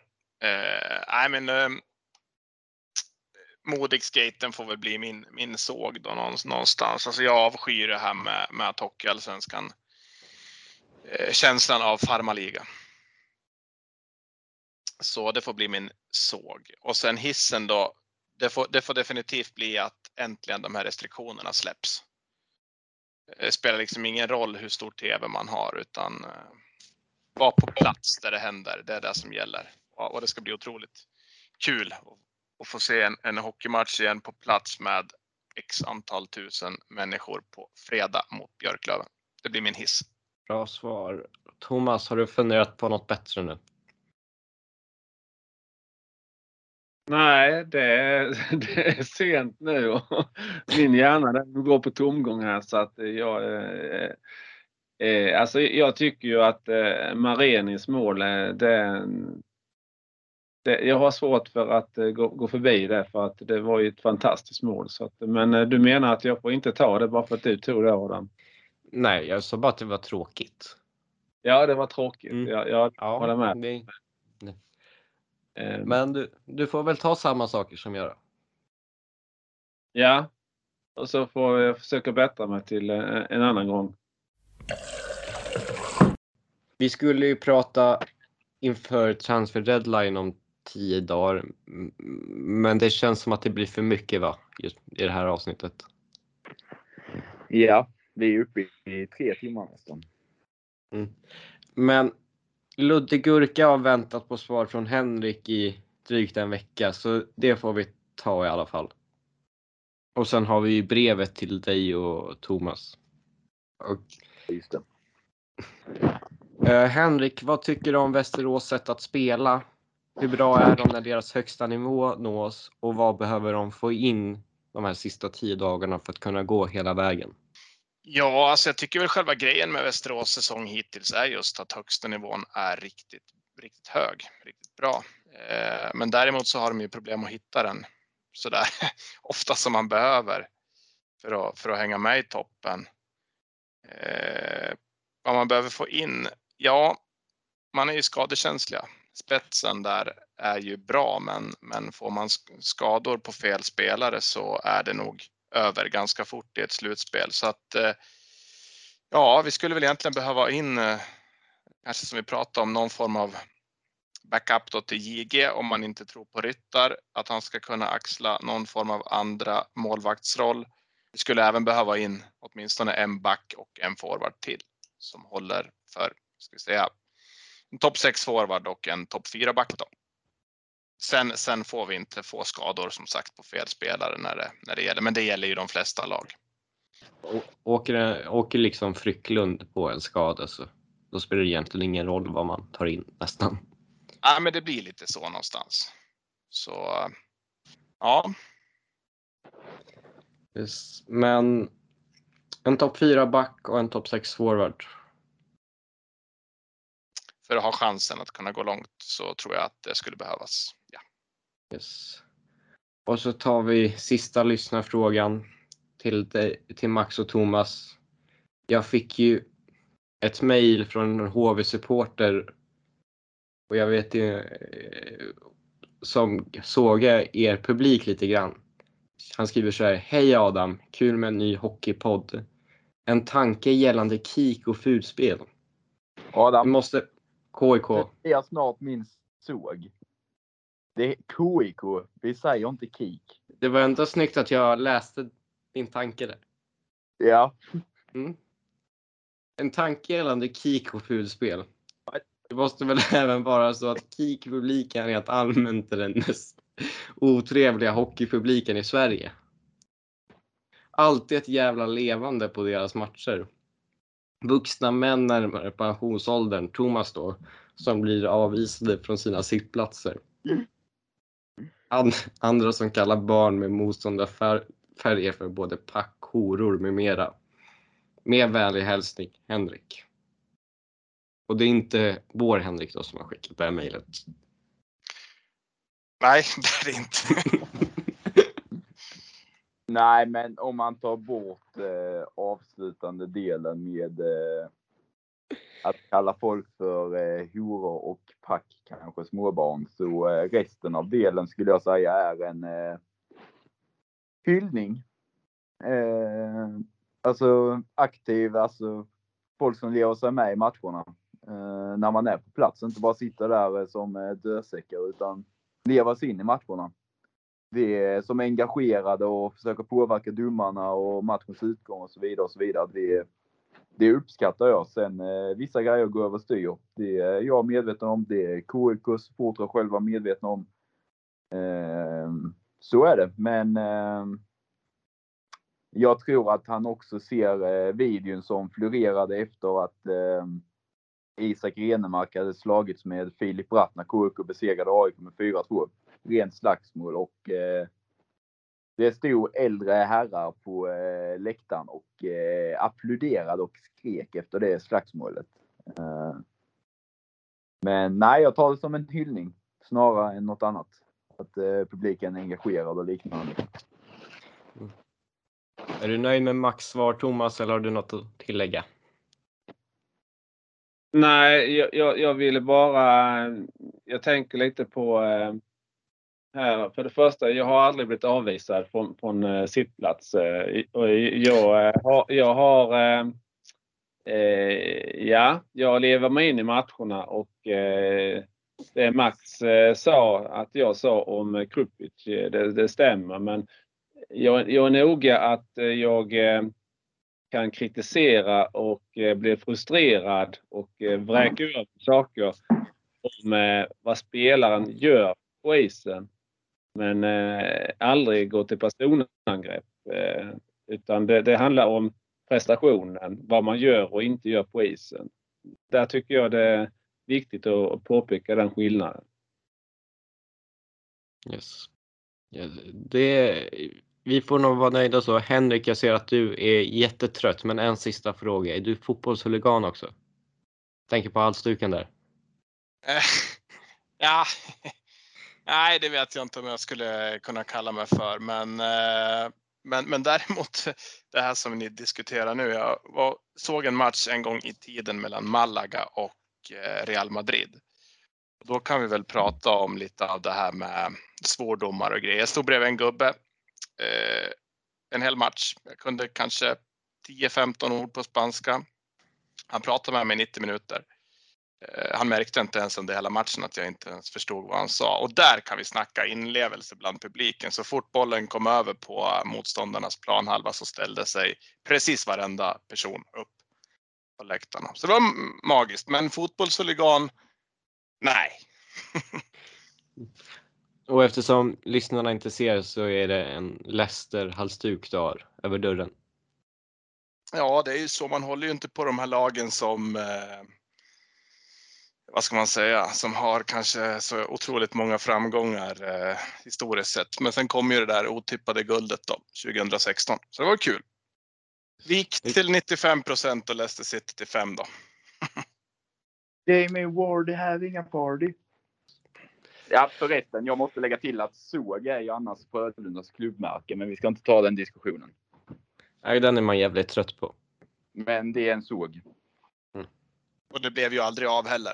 Eller det blir ju inte av bytet. Yes, men nu rundar jag av den här inspelningen. Eh, nu har jag spelat in i tre timmar med Max, Henrik, Thomas, Johannes. Max tjafsade jag mest med, de andra var lite mer sansad diskussion. Jag har väldigt stor ångest inför att klippa det här, men med det sagt, tack för att ni har lyssnat och tack för det stora intresset ni har visat och att ni orkar lyssna på oss så länge. Så hörs vi igen nästa vecka. Hej då!